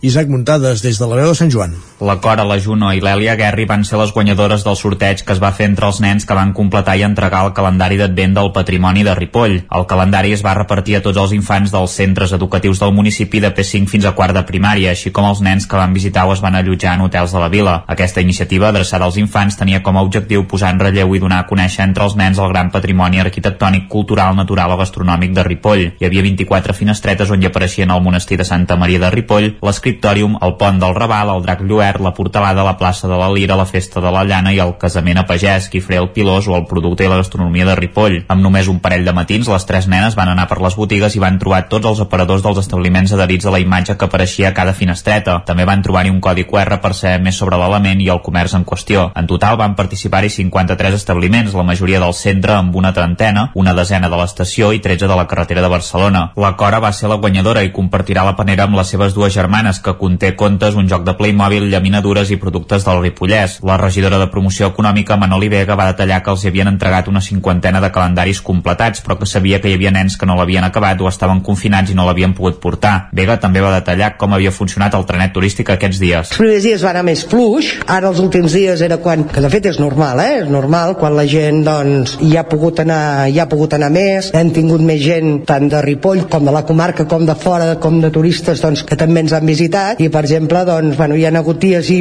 i segons quines hores també més ple i menys ple, que és una iniciativa en què en aquest moment doncs, ens unia els tres eixos comercials, que era el carrer Progrés, carrer Barcelona i el centre, i que ha servit una mica, doncs, no era tant un tren turístic amb explicacions, sinó que connectava les tres àrees eh, comercials que entenem a Ripoll. La regidora va lamentar que la Covid impedís la celebració d'alguns esdeveniments, però també va recordar que n'hi ha molts que s'han pogut salvar, com per exemple la cavalcada de Reis. Fins de sis mares s'han sumat a la primera campanya per aconseguir donants de llet materna a la comarca d'Osona. Ho han fet a través de la campanya de la CIR Osona, el Consorci Hospitalari de Vic i el Banc de Llet Materna, que quan van detectar que les reserves de llet a la comarca eren baixes.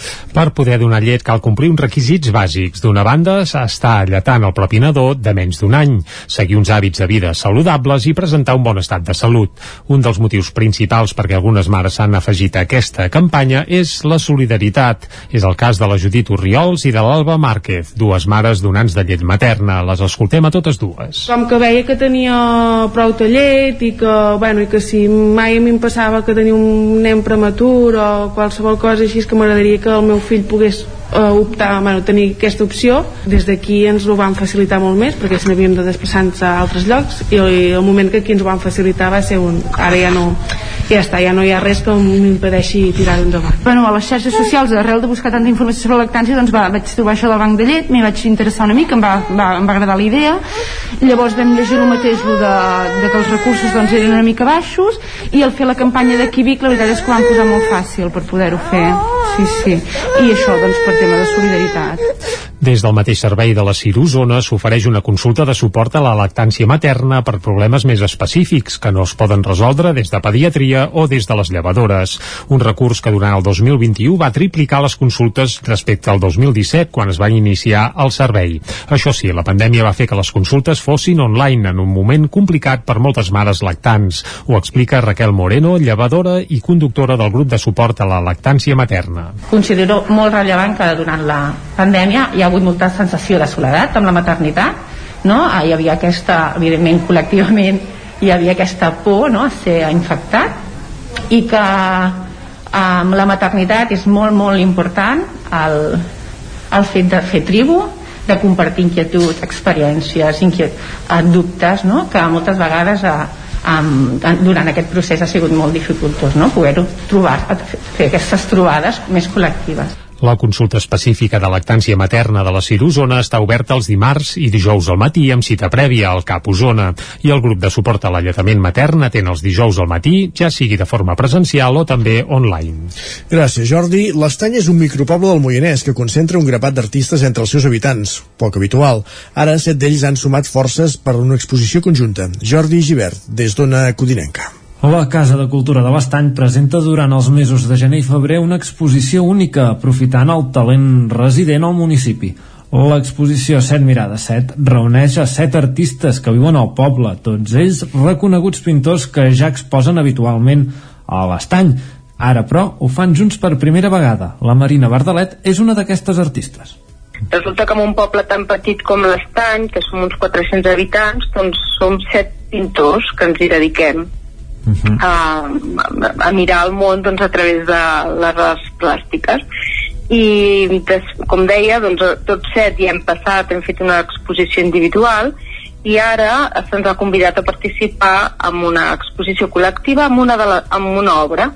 A més a més de Bardalet, a l'exposició hi participen els pintors David Cid, Jaume Crispiera, Manel Dobles, Jaume Rovira, Pepi Custó i Valeri Ferràs la Marina ens explicava les particularitats que té l'estany per als artistes. És una cosa que també hem, hem parlat de com, de quina manera ens atrau el paisatge, què és el paisatge, pot ser la vall, aquesta vall tancada però alhora amb aquesta llum tan especial, aquesta renglera d'arbres i de plataners, eh, la gent, -hmm. o sigui, hi ha tot un cúmul de coses que suposo que que es concentren en aquí i fa que sigui atractiu L'exposició es podrà veure a la Casa de Cultura de l'Estany fins al proper 27 de febrer. El conte de nit de Reis de Peles Mestres fa 100 anys que es posa en escena a Sant Quirze de Besora. El Teatre al Centre n'ha celebrat el centenari en les representacions que van començar el dia 6 i que van acabar aquest diumenge. L'entitat va reivindicar la permanència de l'espai del teatre amb una pancarta que van mostrar al final de les funcions.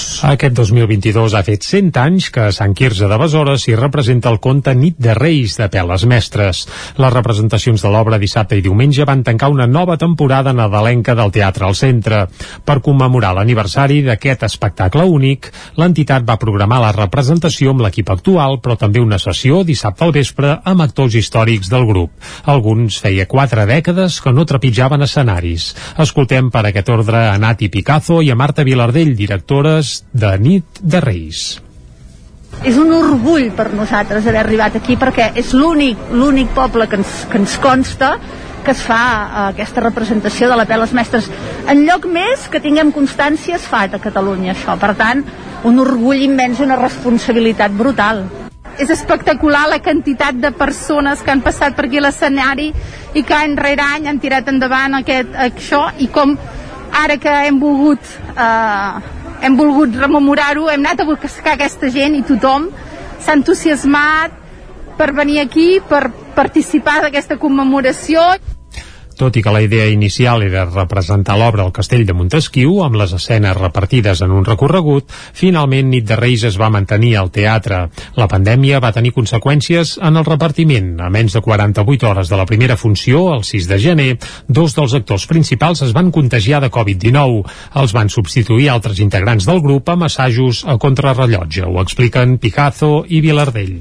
Els actors han hagut de prendre el paper, han hagut d'assajar in extremis, vull dir, les, les circumstàncies han sigut allò, molt feixugues, però encara al final, quan arribes i aixeques el taló, encara estàs més content d'haver-ho aconseguit. Ens sabem aquesta peça tant que en un dia i mig pots col·locar algú a l'escenari, algú tan novell com un nano de, de, de 14 anys, no?, que engega aquí, fa blum, i té el personatge, no? I és perquè el centre és una família, és, és història, i llavors tots ens sabem els personatges, eh? ens podem substituir perquè ho portem ja tan a dintre que surt. Totes les sessions, tant dels pastorets com de nit de Reis que es van fer a Sant Quirze de Besora, van acabar amb tots els participants dalt de l'escenari amb una pancarta reivindicativa. Amb el lema al centre no es toca, demanaven la permanència del teatre i mostraven el seu malestar pel conflicte que el centre té amb un veí del municipi. Gràcies, Jordi. Ara sí que veiem aquí aquest repàs informatiu que començàvem a les 11 i que hem fet en companyia de Jordi Sunyer, Núria Lázaro, Isaac Muntades i Jordi Givert. Un quart de 12, moment al territori 17, de parlar d'economia amb Joan Carles Arredondo.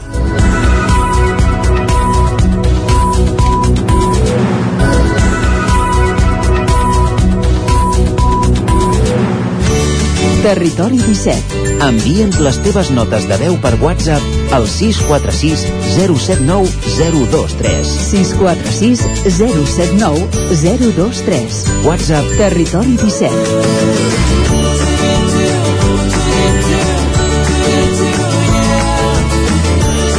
Territori 17. Som a Facebook, Twitter i Instagram amb l'usuari Territori 17.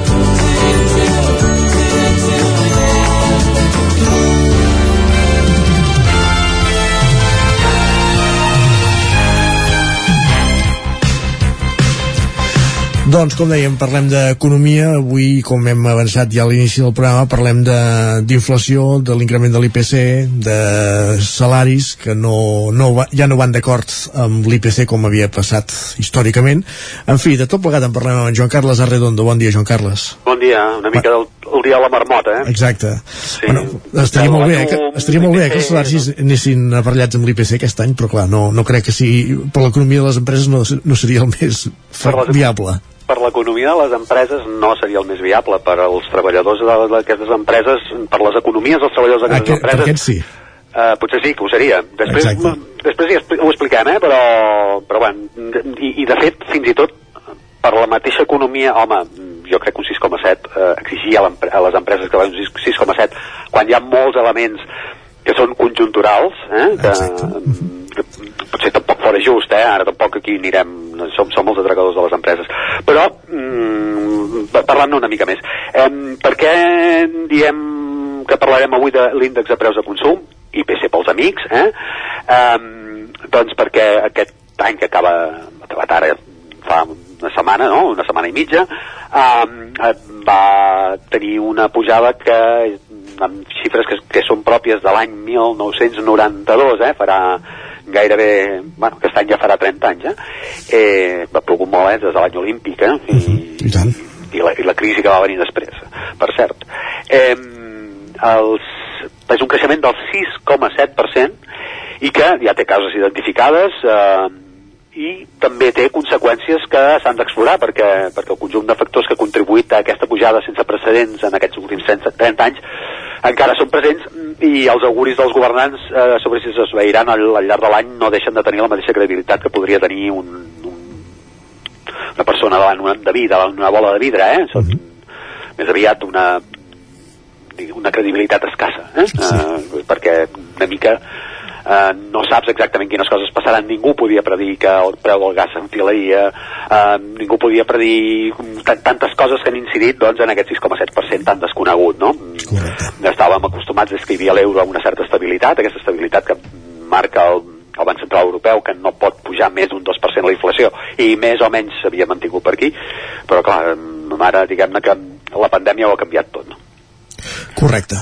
Sobre els motius d'aquesta pu- pu- pujada tan pronunciada, que de fet han estat profusament explicats, però, però de fet no està de més recordar-los una mica. Eh? El punt de partida mm, vindria precisament de la frenada en sec de l'activitat productiva a causa de les restriccions que, que es van imposar per la pandèmia. Eh, en aquell període la, la producció es va reduir i mm, tampoc passava res, no? perquè tampoc hi havia gaires opcions de consumir. Llavors, diguem-ne que aquella aturada productiva més o menys va passar eh, no, no, no, no va tenir una gran incidència, de fet els preus fins i tot estaven baixant eh, en, el, en, el, en el moment més, més important de la pandèmia, més intens, diguem-ne. Eh, de fet, de, però després, diguem-ne, no, que es va crear, això vol dir que hi havia molta demanda insatisfeta, és a dir, gent que sí, es podia voler canviar el frigorífic o la nevera, eh, que es volia comprar un fregaplats, que es volia comprar un cotxe, totes aquestes coses no es podien fer amb la mateixa amb les mateixes opcions que normals, no? Correcte. Però qui ho necessitava de debò, diguem-ne que en el moment en què això es va obrir, eh, doncs va intentar mm, proveir-se no, d'aquests productes i en, canvi, en canvi la indústria encara no estava prou greixada eh, va, la, la seva posada en marxa va ser més lenta no? i mm, tot això volia dir que hi havia molta demanda eh? i en canvi I poca oferta. l'oferta baixava, això ens ho ensenyaven en els primers, com quan el, el, el lliçó 1 d'economia, oferta i demanda, eh? Sí, sí. Balances. quan al moment en què, en què hi ha molta demanda i poca oferta, els preus, els preus pugen, no? Tot això eh, s'hauria hagut d'anar corregint, no? Però també han passat altres coses. um, problemes logístics, eh? Uh i aquests problemes logístics venen, és, són conseqüència de, de, el que es pot considerar errors del passat, eh?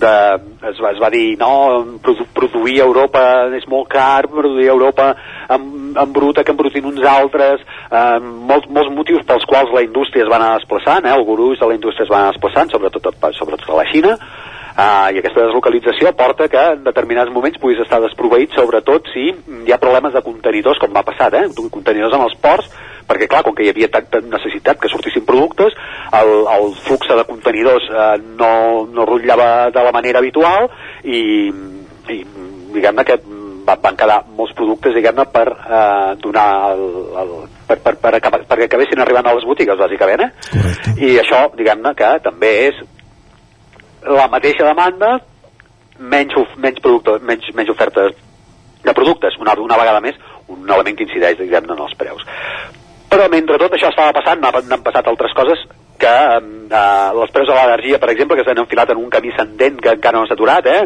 Uh, ara no parlem de rècords perquè, perquè s'hi van arribar fa un, fa, fa un mes, sí, sí, però, però no, no, no, no és difícil deduir que és fàcil que tornem a parlar de rècords i una vegada més el dia de la marmota del qual parlàvem al principi, no? Correcte. Um, clar, això eh, afecta directament l'indicador IPC, però també l'afecta indirectament perquè suposa un increment de costos productius que d'una manera o altra s'ha d'acabar repercutint en els articles eh? I, tam i també en els serveis, no? perquè és clar, si, si una empresa fa serveis, la llum la paga més cara, d'alguna manera ha de repercutir, diguem aquest increment, no? Uh -huh. En aquesta escalada de preus energètics, cal dir-ho, hi ha geopolítica, eh? Sí. Uh, n'hi ha, uh, n'hi ha hagut sempre, eh? Mm, i també hi ha el tema de polític de posar costos agregats a, a, a política a costos agregats a, a determinades fonts energètiques per, per, per diguem-ne, per les polítiques contra el canvi climàtic, no? que també hi ha una incidència política. Però tot això, és, tot, tot això és cert i també ho és que en, en temps inestables sempre hi ha excuses perquè els sospitosos habituals no aconsegueixin rèdits econòmics. Només cal mirar determinats resultats eh, potser ens entretindrem la setmana que ve a, a mirar els resultats de, de les companyies energètiques que, que sortiran segurament eh, abans de final de mes, no? Uh -huh. En aquesta anàlisi algú hi veu que els salaris hagin tingut alguna responsabilitat? Hem parlat de salaris? Cap moment. Doncs ara el govern de l'Estat ha engegat una nova croada en favor de la moderació salarial. La moderació salarial és el comodil del públic eh, d'aquell Sí. programa. Clar, sí, sí. Uh, aquest mateix dilluns el president del govern espanyol, Pedro Sánchez, ja llançava advertències sobre creixements sal salarials que de l'IPC, perquè, segons la seva anàlisi, contribuirien a una perpetuació en Ah, l'escalada de preus. Esclar. Sí, sí. És, un, un, és un element més, no? Com a exercici teòric, el vaticini del, pres- del president pot arribar a ser encertat, eh? És, és veritat. Però si es traspassa a la pràctica hi haurà alguns matisos, eh? Uh, el que dèiem al principi, no? Els preus de bona part dels lloguers estan associats al creixement de l'IPC, eh? el mateix ci- ciutadà al qual se li adverteix sobre, el seu, sobre que el seu salari sobre el seu salari haurà d'afrontar aquestes pujades, no? Un 6,7% no pujarà els lloguers, no? Sobretot en els que revisin al desembre, no? I en termes mitjans a Barcelona això implica 54 euros més al, menys, al mes, perdó, um, que són 648 euros a l'any. M'he entretingut a mirar eh, preus, no, l'exercici no és molt científic, eh, però a mirar preus a, a, a Granollers i Vic, eh? Sí. Granollers implicaria 48 euros més al mes per un pis de 70 metres quadrats, eh? 576 euros l'any, a Vic 36 euros menys, eh, més al, al mes, eh, 432 euros l'any. Eh? Vull dir, tot això ho hauràs d'afrontar i segurament el que passarà és que tots aquests diners que has de pagar de més del lloguer els retiris al consum i si no consumeixes el greix, el greix de la maquinària productiva, etc se'n veu perjudicat només dic que com a exercici teòric és tan vàlid el que estic fent ara com el del president Sánchez no? Clar. Això sense tenir en compte que aquest any la inflació ja ha comportat augments de preu del 70, en el 70% dels productes que es consumeixen així habitualment, eh? energia, aliments, transport, habitatge. Els càlculs indiquen que la pujada de preus retallarà fins un 10% el diner real de les llars. Eh, I s'ha de tenir en compte també que l'any ja comença amb increments de preus anunciats en vehicles, amb un nou impost, a les autopistes, algun dia tocarà parlar de, de com s'estan recascatant algunes, algunes autopistes, eh? Això mm, ho deixem pendent per un altre dia. Deures, deures, va. Fora la falca, eh? Dèiem això, eh? Cotxes més cars, autopistes més cares, Uh, ara s'anuncia també pel tabac, en subministraments com el gas, um, i això amb independència de decisions d'empreses privades. Eh? Els productors de cervesa, per exemple, aplicaran creixements de costos dels cereals, això passarà en moltes empreses alimentàries, els proveïdors de comunicacions, no? Telefònica ja dic que, que to- tocaria els seus... Els, els, eh, i, i, i totes aquestes coses també estan passant i això no és de l'any passat, això ja és d'aquest any eh? això passa des del gener davant de tot això la proposta del govern és moderar salaris eh? això que dèiem del comodí del públic si els preus no pugen els salaris s'han de mantenir eh? perquè si no es perd poder per, per, si no, no es podria... Si pugen en plena crisi s'han de moderar perquè no, si no seria més greu la crisi. Si la recuperació de la crisi, com passa actualment, porta una escalada de preus que no té a veure amb els sous, també s'han de moderar perquè en cas contrari es mantindrà l'escalada. El missatge ve a ser tan simple com aquest, eh? Els, amb, amb el tema dels salaris, moderat sempre, i si això fa perdre el poder adquisitiu, que cadascú se les apanyi. Se'ls espanyi.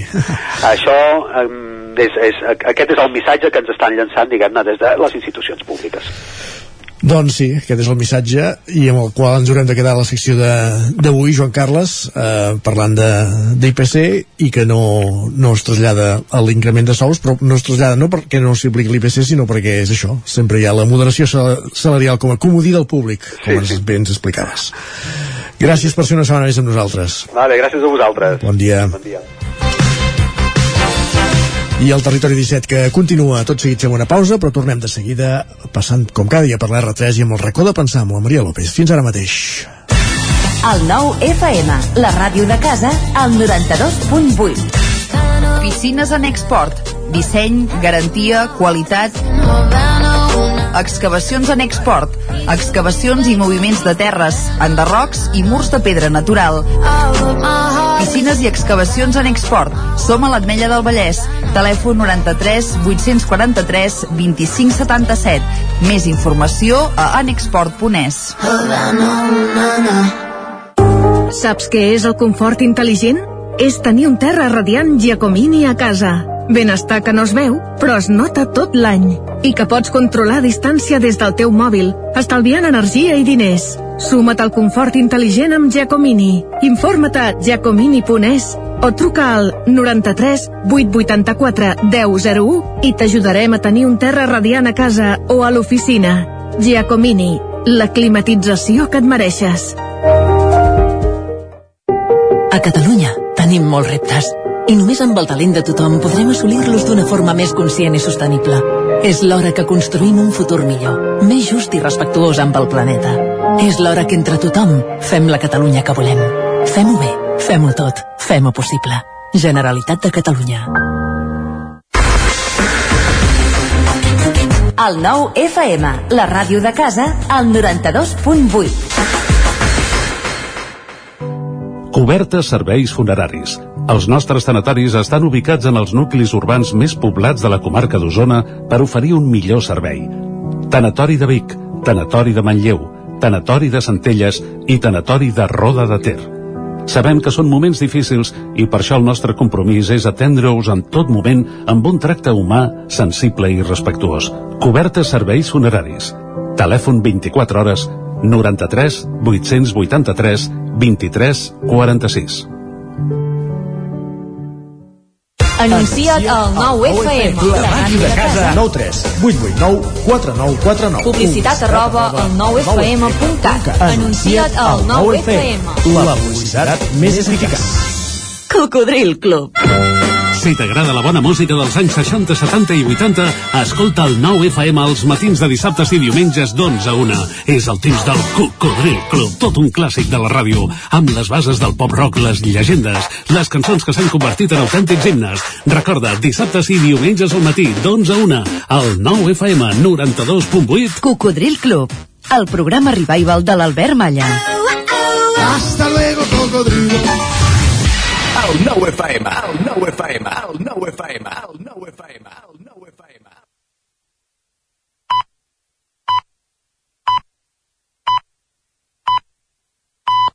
Territori 17 A Tren d'Alba. Cada dia els usuaris de la línia R3 de Rodalies que veuen sortir el sol des d'un vagó ens expliquen les gràcies i les penes del primer comboi que uneix Ripoll i Barcelona. Benvinguts a Tren d'Alba. Us porto un exemple del mal funcionament de Renfe. Hem de retrocedir uns dies enrere fins al 30 de desembre, en què l'usuari Joan Coma, regidor de Capgirem Vic, anava amb tren fins a Barcelona i havia d'anar amb el que sortia a les 10.41 del matí. I dic que havia d'anar perquè sense avís previ, ja que l'aplicació sortia programat, el tren no va sortir i es va haver d'esperar fins a dos quarts de 12 per marxar. Els seus fills li deien que mai més volien anar en tren, i ell els hi donava la raó, perquè era una presa de pèl. Des de per què no ens fotin el tren, van advertir que les cancel·lacions són el pa de cada dia i la falta d'informació envers el viatger també. Es veu que la megafonia, les xarxes socials, les aplicacions de mòbil i el personal de l'estació són elements merament decoratius. Va, us deixo amb la crònica d'en Jordi Valls d'avui. Bon dia, sóc en Jordi de Centelles. Avui, 4 minuts tard. Bé, dintre de lo normal. Còmode, ràpid, sembla que hi hagi menys gent. No sé si per la Covid o pel que sigui, però hauria d'anar ple. És primeres setmanes escolars després de les vacances i sempre es nota. Avui us explico la meva aventura amb la T mensual, o com ara es digui usual, de 6 zones. Avís, la màquina exterior de Centelles anul·la les targetes. Em porto dues en dos dies, acabades d'estrenar. I la tercera màquina, mirant des del punt d'informació de Renfe a plaça Catalunya, no té tinta, que llavors els interventors et renyen perquè no posa la data i tu dius, perdona, revisa-ho tu, jo he marcat. Ai, senyor, si no fos per aquestes aventures, potser ens quedaríem com molt avorrits. Però bueno, són coses que passen, solucionat amb un somriure i esperem que funcioni bé. Vigileu la màquina de Centelles, la de fora, jo ara aviso Rodalies que són pesadets. Vinga, gràcies, cuideu-vos molt i que una Renfe qualsevol, o una Rodalies qualsevol, no us espatlli la màgia del tren. Adéu-siau. Doncs ja ho sabeu, compta amb les màquines que anulen les targetes i que no tenen tinta. És que si això ja no funciona, ja podem plegar. Va, ens retrobem demà amb més històries del tren i de la R3. Territori 17 El 9 FM, la veu de Sant Joan, Ona Codinenca, Ràdio Cardedeu, Territori 17. I quan passen dos minuts i mig de dos quarts de dotze entrem al racó de pensar. El racó de pensar, a Territori 17. El racó de pensar, com cada setmana, amb la Maria López, avui parlant de sistemes familiars. Maria, bon dia. Bon dia i benvinguts a un nou racó de pensar aquí a Territori 17 des de Cardedeu. I avui ens hem traslladat, hem marxat de, de l'estudi i ens hem traslladat fins a Tres Sentits, que és un centre de psicopedagogia de Cardedeu, i estem avui amb la Sílvia Palou, que és uh, psicopedagoga i és la directora del centre. Bon dia, Sílvia. Hola, molt bon dia. Avui ens hem traslladat fins aquí perquè fa unes setmanes eh, la Sílvia va oferir a través de l'Aula de Cultura, que fa unes conferències a Cardedeu, uns diferents cicles de, de conferències, eh, per parlar dels sistemes familiars. Eh, així sentit des de fora es poden interpretar moltíssimes coses pel que fa en referència als sistemes familiars. Però d'alguna manera, Sílvia, corregeix-me si, si m'equivoco, entenc que parlant de tots aquells tipus de família i la manera, les maneres o les mecàniques que, que passen dins d'aquestes famílies. Famílies ja de tot colors, hi ha moltíssimes i de mil opcions diferents i cada dia més, segurament si observéssim uh, un perfil de família de fa 50 anys, no tindria res a veure amb tot el ventall i possibilitats familiars que podem trobar avui dia Uh, i no sé si és possible que dintre d'aquestes diferents tipus de famílies trobem certes mecàniques que es repeteixen o no. Per parlar de tot això estem avui aquí a Tres Sentits amb la Sílvia. Bon dia, Sílvia.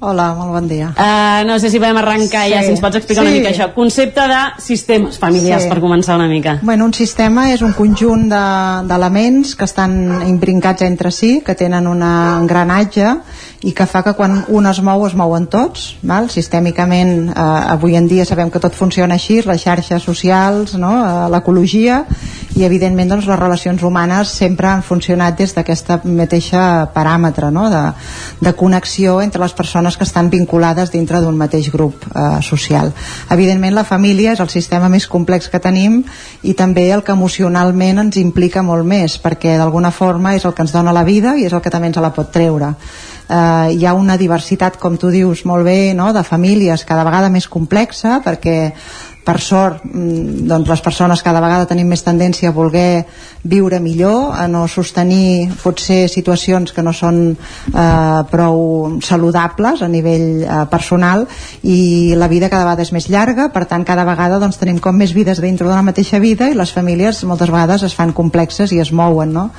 Eh, i per tant això fa que hi hagi una diversitat molt gran de famílies i això és estupendo i és fantàstic però sí que veiem que hi ha uns eh, paràmetres que són com molt conservadors a dintre del que és el concepte de sistema perquè precisament com que som mamífers, les persones som animals mamífers i una estoneta, no? fa molt poc a dintre de la nostra història doncs, que som també, tenim aquesta part cognitiva eh, funcionem moltes vegades doncs, per poder tirar endavant i sobreviure i per tant hi han històries que es viuen a dintre del sistema que tenen una repercussió emocional forta i que depèn eh, una miqueta de com ha estat tota aquesta història dels nostres antepassats eh, sobretot parlem molt dels avis eh, els pares i les mares evidentment però avis i àvies i fins i tot besavis i besàvies que han viscut històries que són complexes i que tenen una repercussió deia important important a nivell dolorós, no? que ja eh, s'han viscut situacions que porten un, un ressò emocional i que el que veiem és que hi ha una, mm, una herència que es va passant d'una generació a una altra i que té una influència també en com funcionem en el dia a dia. Per tant, sí que hi ha una diversitat molt gran de famílies, però en el fons, eh, a dintre del cor de cada persona, les necessitats són les mateixes, són les mateixes que hi ha ara, que hi ha hagut eh, sempre, no? I que d'alguna forma, per exemple, aquesta necessitat de la pertanyença, de sentir que formo part de la família, eh, és essencial com a mamífer per sentir que estic cobert, no? que tinc la seguretat i l'estima de les persones d'aquesta família. I per tant, moltes vegades, algunes de les reaccions, dels comportaments, fins i tot dels símptomes no? que fan potser fills i filles o o, o adolescents eh, o fins i tot els pares i les mares eh, veiem que tenen de vegades mirant la història familiar tenen una raó de ser que va més enllà de la nostra voluntat fins i tot de vegades de la nostra consciència Entenem doncs una mica pel que deies que eh, aquestes noves formes de família, aquestes noves estructures que reconstrueixen amb aquest, eh, amb aquest fet de perseguir la felicitat que dèiem no? Uh -huh. i que és totalment eh, lloable d'alguna manera sí que afecten indirectament a aquesta sensació de pertànyer a un lloc? Sí, tenen aquesta repercussió de tribu, perquè, diguéssim, exacte, una mica. exacte, de tribu, sí, perquè d'alguna forma és com que cada vegada que es mou el sistema com que és un engranatge fa que encara que hi hagi una peça que no és la teva que es mou fa que tu també et moguis i fa que es mogui tot el sistema eh? si per exemple, doncs, posant una, un exemple molt bàsic i molt clar i molt general, que és que arriba un segon fill en una família, està clar que el lloc que ocupava el fi, primer fill o filla queda desplaçat perquè s'ha d'incorporar un nou no? i per tant aquí es mou la parella es mou el primer fill perquè el segon fill tingui lloc això que és un moviment que dintre de tot doncs, és petit perquè encara la família és petitona doncs porta una repercussió emocional del fill gran de sentir, ostres, m'estimen igual eh, la mare ja no em tracta igual perquè ara allà on estava jo hi ha una altra criatura no? és a dir, hi ha un moviment emocional intern que de vegades és molt eh, inconscient no? de, que un no pot posar paraula que és el que li està passant però sí que ho sent eh, perquè sent la possibilitat de quedar-se fora no? no és una possibilitat real a nivell cognitiu, a nivell de raó però sí a nivell emocional.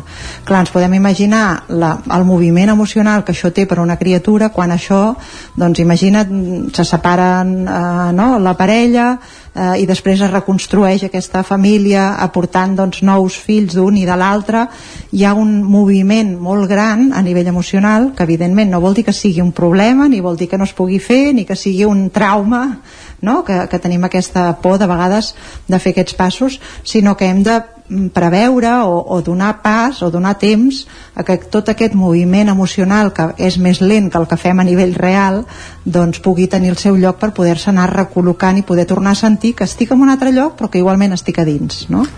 Dintre d'aquests possibles moviments que parlàvem, que molts, doncs, eh, sí, suposo que hi ha casos doncs, com més rebuscats o més inesperats, però sí que hi ha molts doncs, que es poden, són més, més comuns, no? Doncs és el naixement que dèiem d'un segon fill, a una separació, a la construcció d'una nova família amb una nova parella, amb la possibilitat de que a més a més tingui fills. Suposo que, que dintre d'aquestes possibles mecàniques que deuen anar succeint, no sé si trobeu o es podria generalitzar que hi ha certes repercussions emocionals que es repeteixen.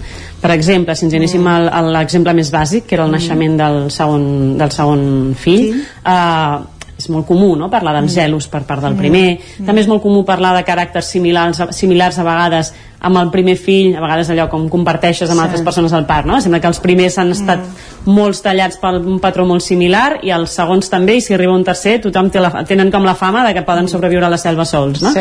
Uh, però no sé fins a quin punt són generalitzacions Mm. o vosaltres des d'aquí que esteu potser més acostumats a treballar amb aquestes situacions Sí. de manera habitual penseu que hi ha temes emocionals que repeteixen que repeteixen, sí. De fet, el que veiem és que, eh, o sigui, jo sempre poso aquest exemple perquè penso que és molt gràfic. La família és com un trencaclosques i cadascú ocupa una peça d'aquest trencaclosques i, per tant, si resulta que el primer fill doncs, és una persona que té molta necessitat de, crea, de cridar l'atenció, és l'alegria de la casa, per què? A part de la seva essència, que cadascú portem la nostra, però resulta que eh, arriba un moment de la família en el que, no sé, doncs hi ha hagut una mort o hi ha hagut una enfermetat o hi ha un, una situació difícil a la família i sent que se li fa molt de cas quan és l'alegria de la casa va aprenent a formar un caràcter que té aquestes peculiaritats no? la seva defensa és a fer aquest moviment i donar aquesta alegria a la casa clar, aquest primer fill ocupa aquesta primera peça quan arriba el segon aquesta peça ja està com ocupada sí? és a dir, eh, els germans i les germanes són com vasos comunicants eh? Eh, diguem moltes vegades als pares que no entenc que són tan diferents no? els fills eh, provenen del, de la mateixa font quan és que són la mateixa, els mateixos progenitors però en canvi són tants diferents i és perquè necessitem com trobar un lloc que sigui propi, que no estigui ocupat per dir-ho així, i per tant d'alguna forma doncs, sí que es, es van generant com una diversitat molt gran de rols no? però clar, el que passa moltes vegades és que sobretot entre germans no? que és una de les vivències difícils que tenim a la vida perquè passa una incongruència que ens és molt difícil d'entendre a nivell emocional que és que partim del mateix punt són dos vides paral·leles que parteixen d'un mateix punt sí? el pare i la mare és el meu pare és la meva mare, però el meu germà diu que també són seus. No? Aleshores, aquesta dificultat no la té el primer fill. És a dir, el primer fill té per ell sol el pare i la mare, i això no passa mai més amb cap dels següents. No?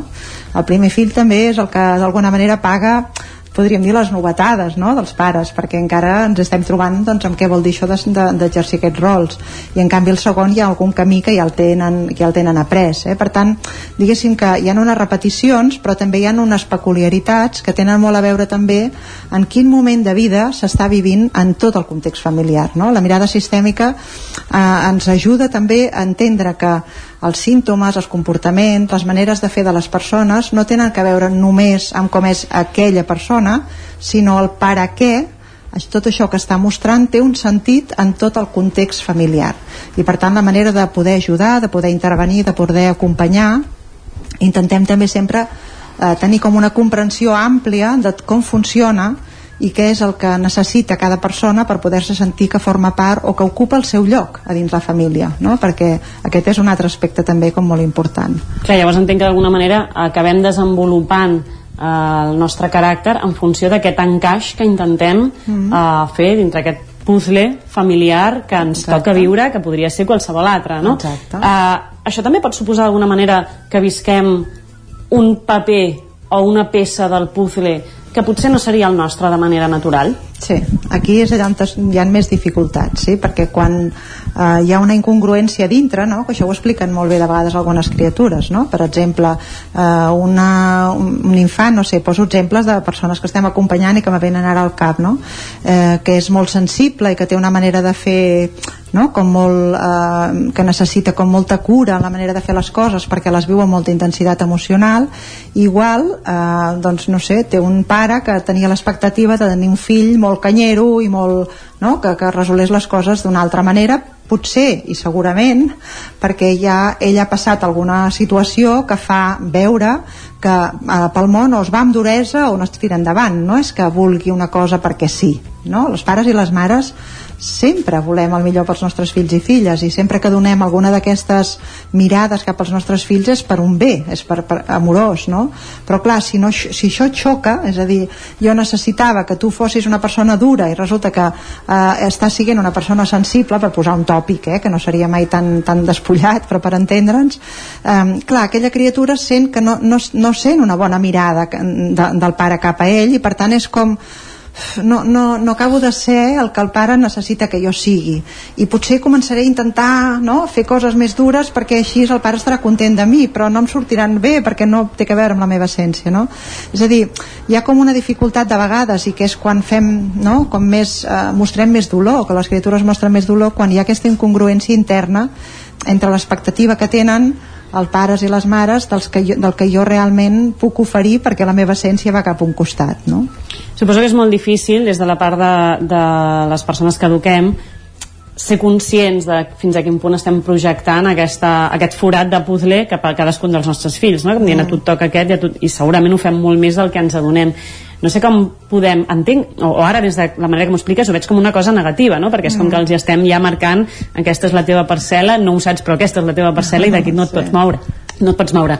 No sé com podem fer d'alguna manera per flexibilitzar o diluir una miqueta aquestes fitxes de puzzle Mm. perquè ells puguin ser una mica més ells i elles, perquè entenc que si no després a la llarga això no ha de, no ha de ser massa positiu, no? Ser, fer un paper que no és el teu per naturalesa. Sí, m'agrada molt que facis aquesta pregunta, Maria, perquè també és veritat que mm, es pot viure com a negatiu perquè provoca dolor, però, però no ho és negatiu, és a dir, és una manera de créixer, és una manera de fer-nos el lloc al món i és unes, són unes estratègies que són defensives i que per tant ens serveixen per, per sortir-nos en endavant, sí? Uh, el que passa és que quan un creix i un es fa gran i un pot veure una miqueta quins són els aspectes que li serveixen i els que no a la vida eh, estan aquí el nostre repte també de poder prendre consciència de que jo tinc la habilitat de fer servir aquesta defensa eh, i que de vegades potser m'ha salvat i, i per tant me va bé de continuar fent-la servir però que de vegades potser la utilitzo i no caldria sí? és a dir, quan nosaltres parlem de creixement personal vindria a ser una miqueta aquest, eh, no? quan parlem d'educació emocional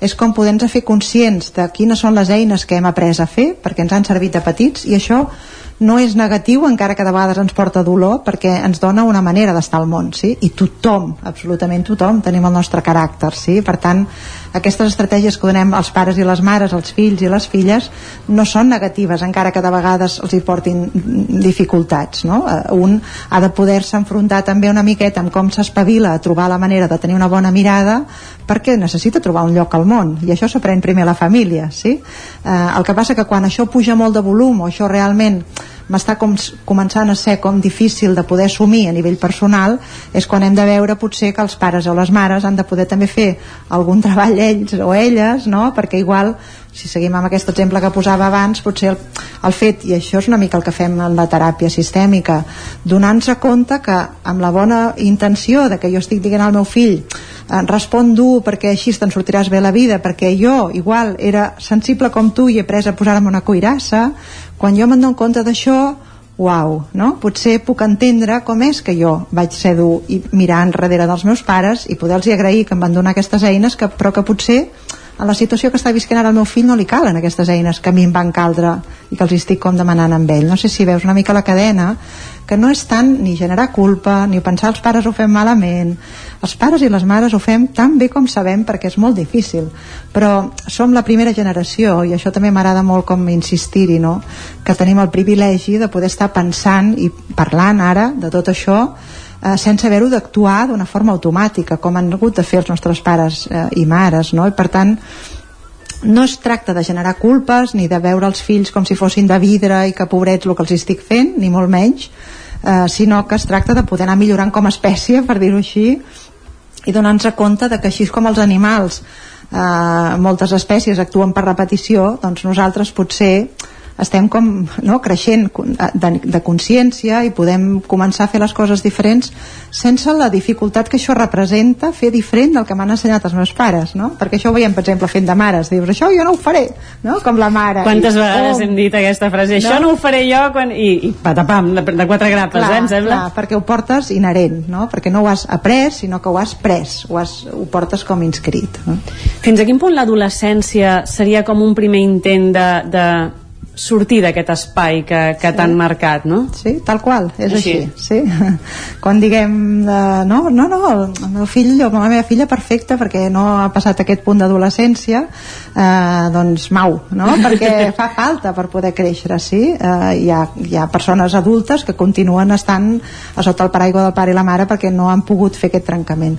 Que clar, hi ha moltes maneres de fer-ho i, no? i de vegades l'adolescència i no, ja ho comentàvem que és una edat difícil, és una edat que fer aquest trencament és dolorós perquè eh, se sent com, i això les hormones ajuden molt a fer-lo perquè et donen aquest impuls de, de tenir aquesta força i d'anar cap en fora però no deixa de ser una por molt gran que tenen els adolescents de fer aquest pas no? és com deixar la cova, deixar la sensació d'estar cobert a anar-te'n una mica a la selva no? i per tant eh, és, un és un moment difícil però bastant clau en, en l'evolució no? de, de les persones i que, bueno, que, que està, està sent cada vegada jo crec que això sí més complicat perquè es comença molt d'hora moltes vegades massa d'hora no? eh, hi ha una pressió social eh, no? consumista i, i, i de la nostra societat que fa que l'etapa de la infància sigui molt curta i que la de l'adolescència duri moltíssim i això no és bo, no és sa perquè posa les criatures en una situació de molta vulnerabilitat que s'han de buscar eh, tribus fora de casa eh, i, i posar-se en mans de persones que no coneixen ni saben molt bé el què i provoca situacions eh, que són més de perill, no? de més d'incertesa i ells la viuen amb, amb molta dificultat què, què, què creus que és el que fa que s'avanci d'alguna manera aquesta, mm. aquest moment no? eh, això es, mm, es diu molt sovint no? ara es comença tot abans però mm. què ho ha fet? un canvi doncs, com per exemple els instituts l'edat dels instituts és un tema quasi natural jo crec que és social, primer, perquè cada vegada més és com que veus, no sé, eh, criatures amb 8 anys que ja volen portar no? eh, una roba que, són, que és de noia o de noi quan encara són nens i nenes, eh, per tant socialment hi ha una pressió molt gran per, per poder fer aquest pas, perquè evidentment es consumeix molt més, això penso que ho hem de saber-ho, i hi ha un tema a nivell d'estructura del sistema educatiu que jo no m'he repetit, no m'he eh, cansat mai de dir-ho i penso que som molta gent en el món educatiu que ho veiem així, que realment el salt de sortir de l'escola en una edat en la que encara són criatures, són nens i nenes i s'han d'anar a enfrontar en un lloc on hi ha persones molt més grans amb la vulnerabilitat que representa una edat en la que sortir no? d'allà on tu tens el coneixement i, i una mica el domini, no? sentir-te el gran de l'escola és molt positiu però sentir-te tan petit en un lloc gran doncs porta molta més incertesa i aquesta incertesa de vegades la tapen fent-se més grans no? és, és com el que fan, no sé doncs, eh, allò que diguem perro ladrador poco mordedor mm no? doncs voler aparentar molt una, una situació que, que no és la que sents per, per no sentir-te tan petit tan vulnerable no? i això fa que s'inflen, per dir d'alguna manera, d'una manera que no, no els hi és sana, no? Per tant, aquest, aquest salt jo crec que no, no és una bona estratègia a nivell evolutiu, de psicologia evolutiva de, dels infants, no? I això no ha facilitat, eh, evidentment, perquè són dos anys que són molt eh, difícils i molt crucials no? en, el, en el desenvolupament de l'adolescència. La, Tornant una mica al tema dels, dels sistemes i aquests, eh, aquestes reaccions emocionals una mica que es repeteixen, abans parlàvem del naixement del segon germà, però anant a un altre exemple, una separació, no? Entenc que també deuen haver-hi eh, reaccions emocionals que deuen ser que es deuen repetir, sigui quin sigui el teu caràcter, no? Mm.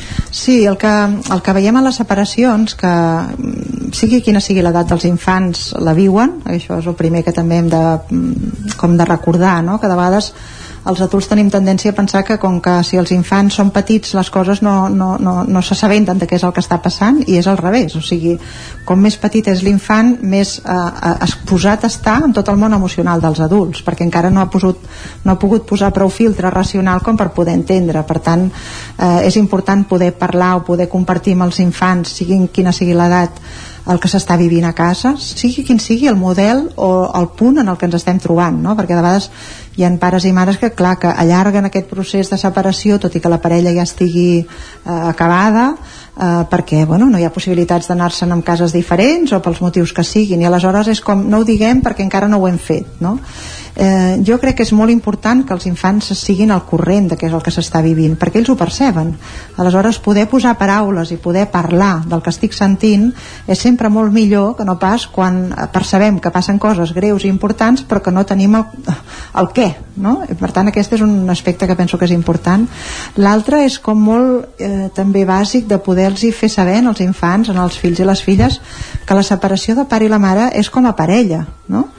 O, o de la, les dues persones de la parella no és com a pares i mares que se separen sinó que és eh, com, a, com a gènere com a, com a adults que són parella sí? com separar aquests dos conceptes de parella i de pare i mare eh, és important perquè si no de vegades mm, eh, els fills tenen tendència a pensar que potser ells tenen culpa o potser han fet coses que han provocat aquesta separació no? llavors separar aquests dos conceptes crec que és una cosa que també els pot ajudar no?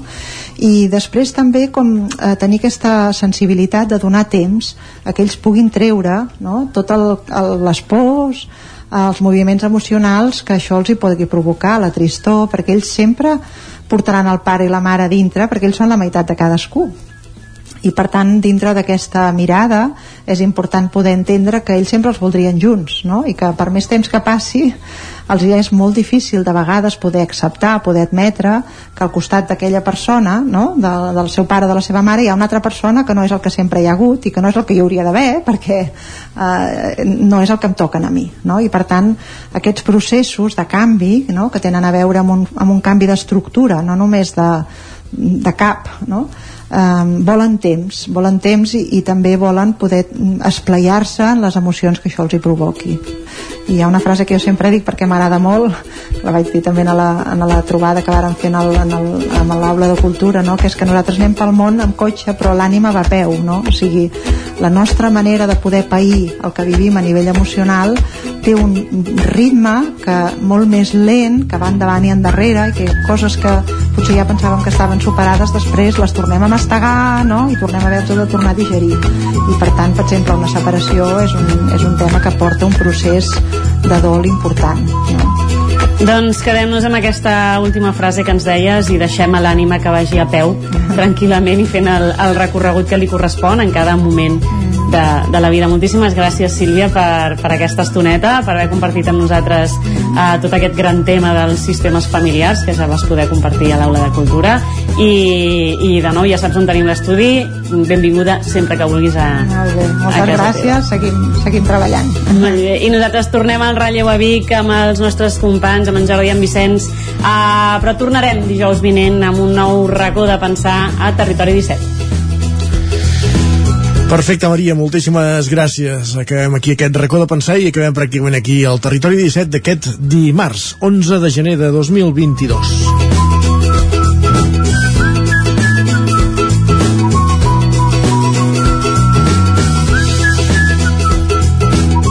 un dimarts fred i boirós a la plana de Vic, amb anticicló a la resta de comarques, però amb temperatures encara baixes.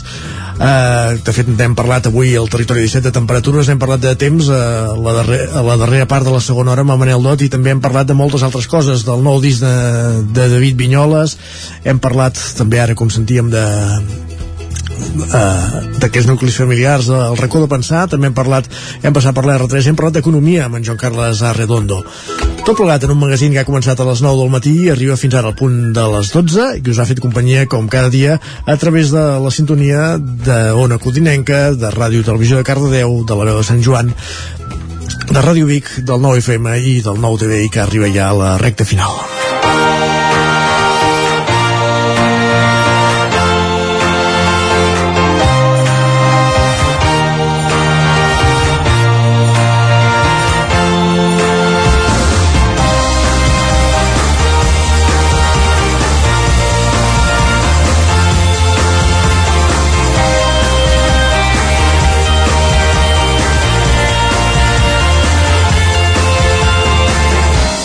I un programa en el qual us hem acompanyat Pepa Costa, Òscar Muñoz, Núria Lázaro, Jordi Givert, Guillem Sánchez, Guillem Rico, Manel Dot, Joan Carles Arredondo, Isaac Muntades, Maria López, Jordi Sunyer i Isaac Moreno. I tornem demà, com cada dia, a partir de les 9 del matí. Aquí estarem. Bon dia.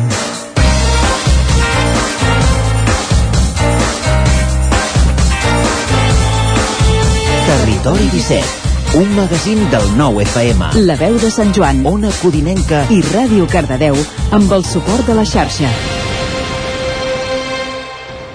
El nou FM.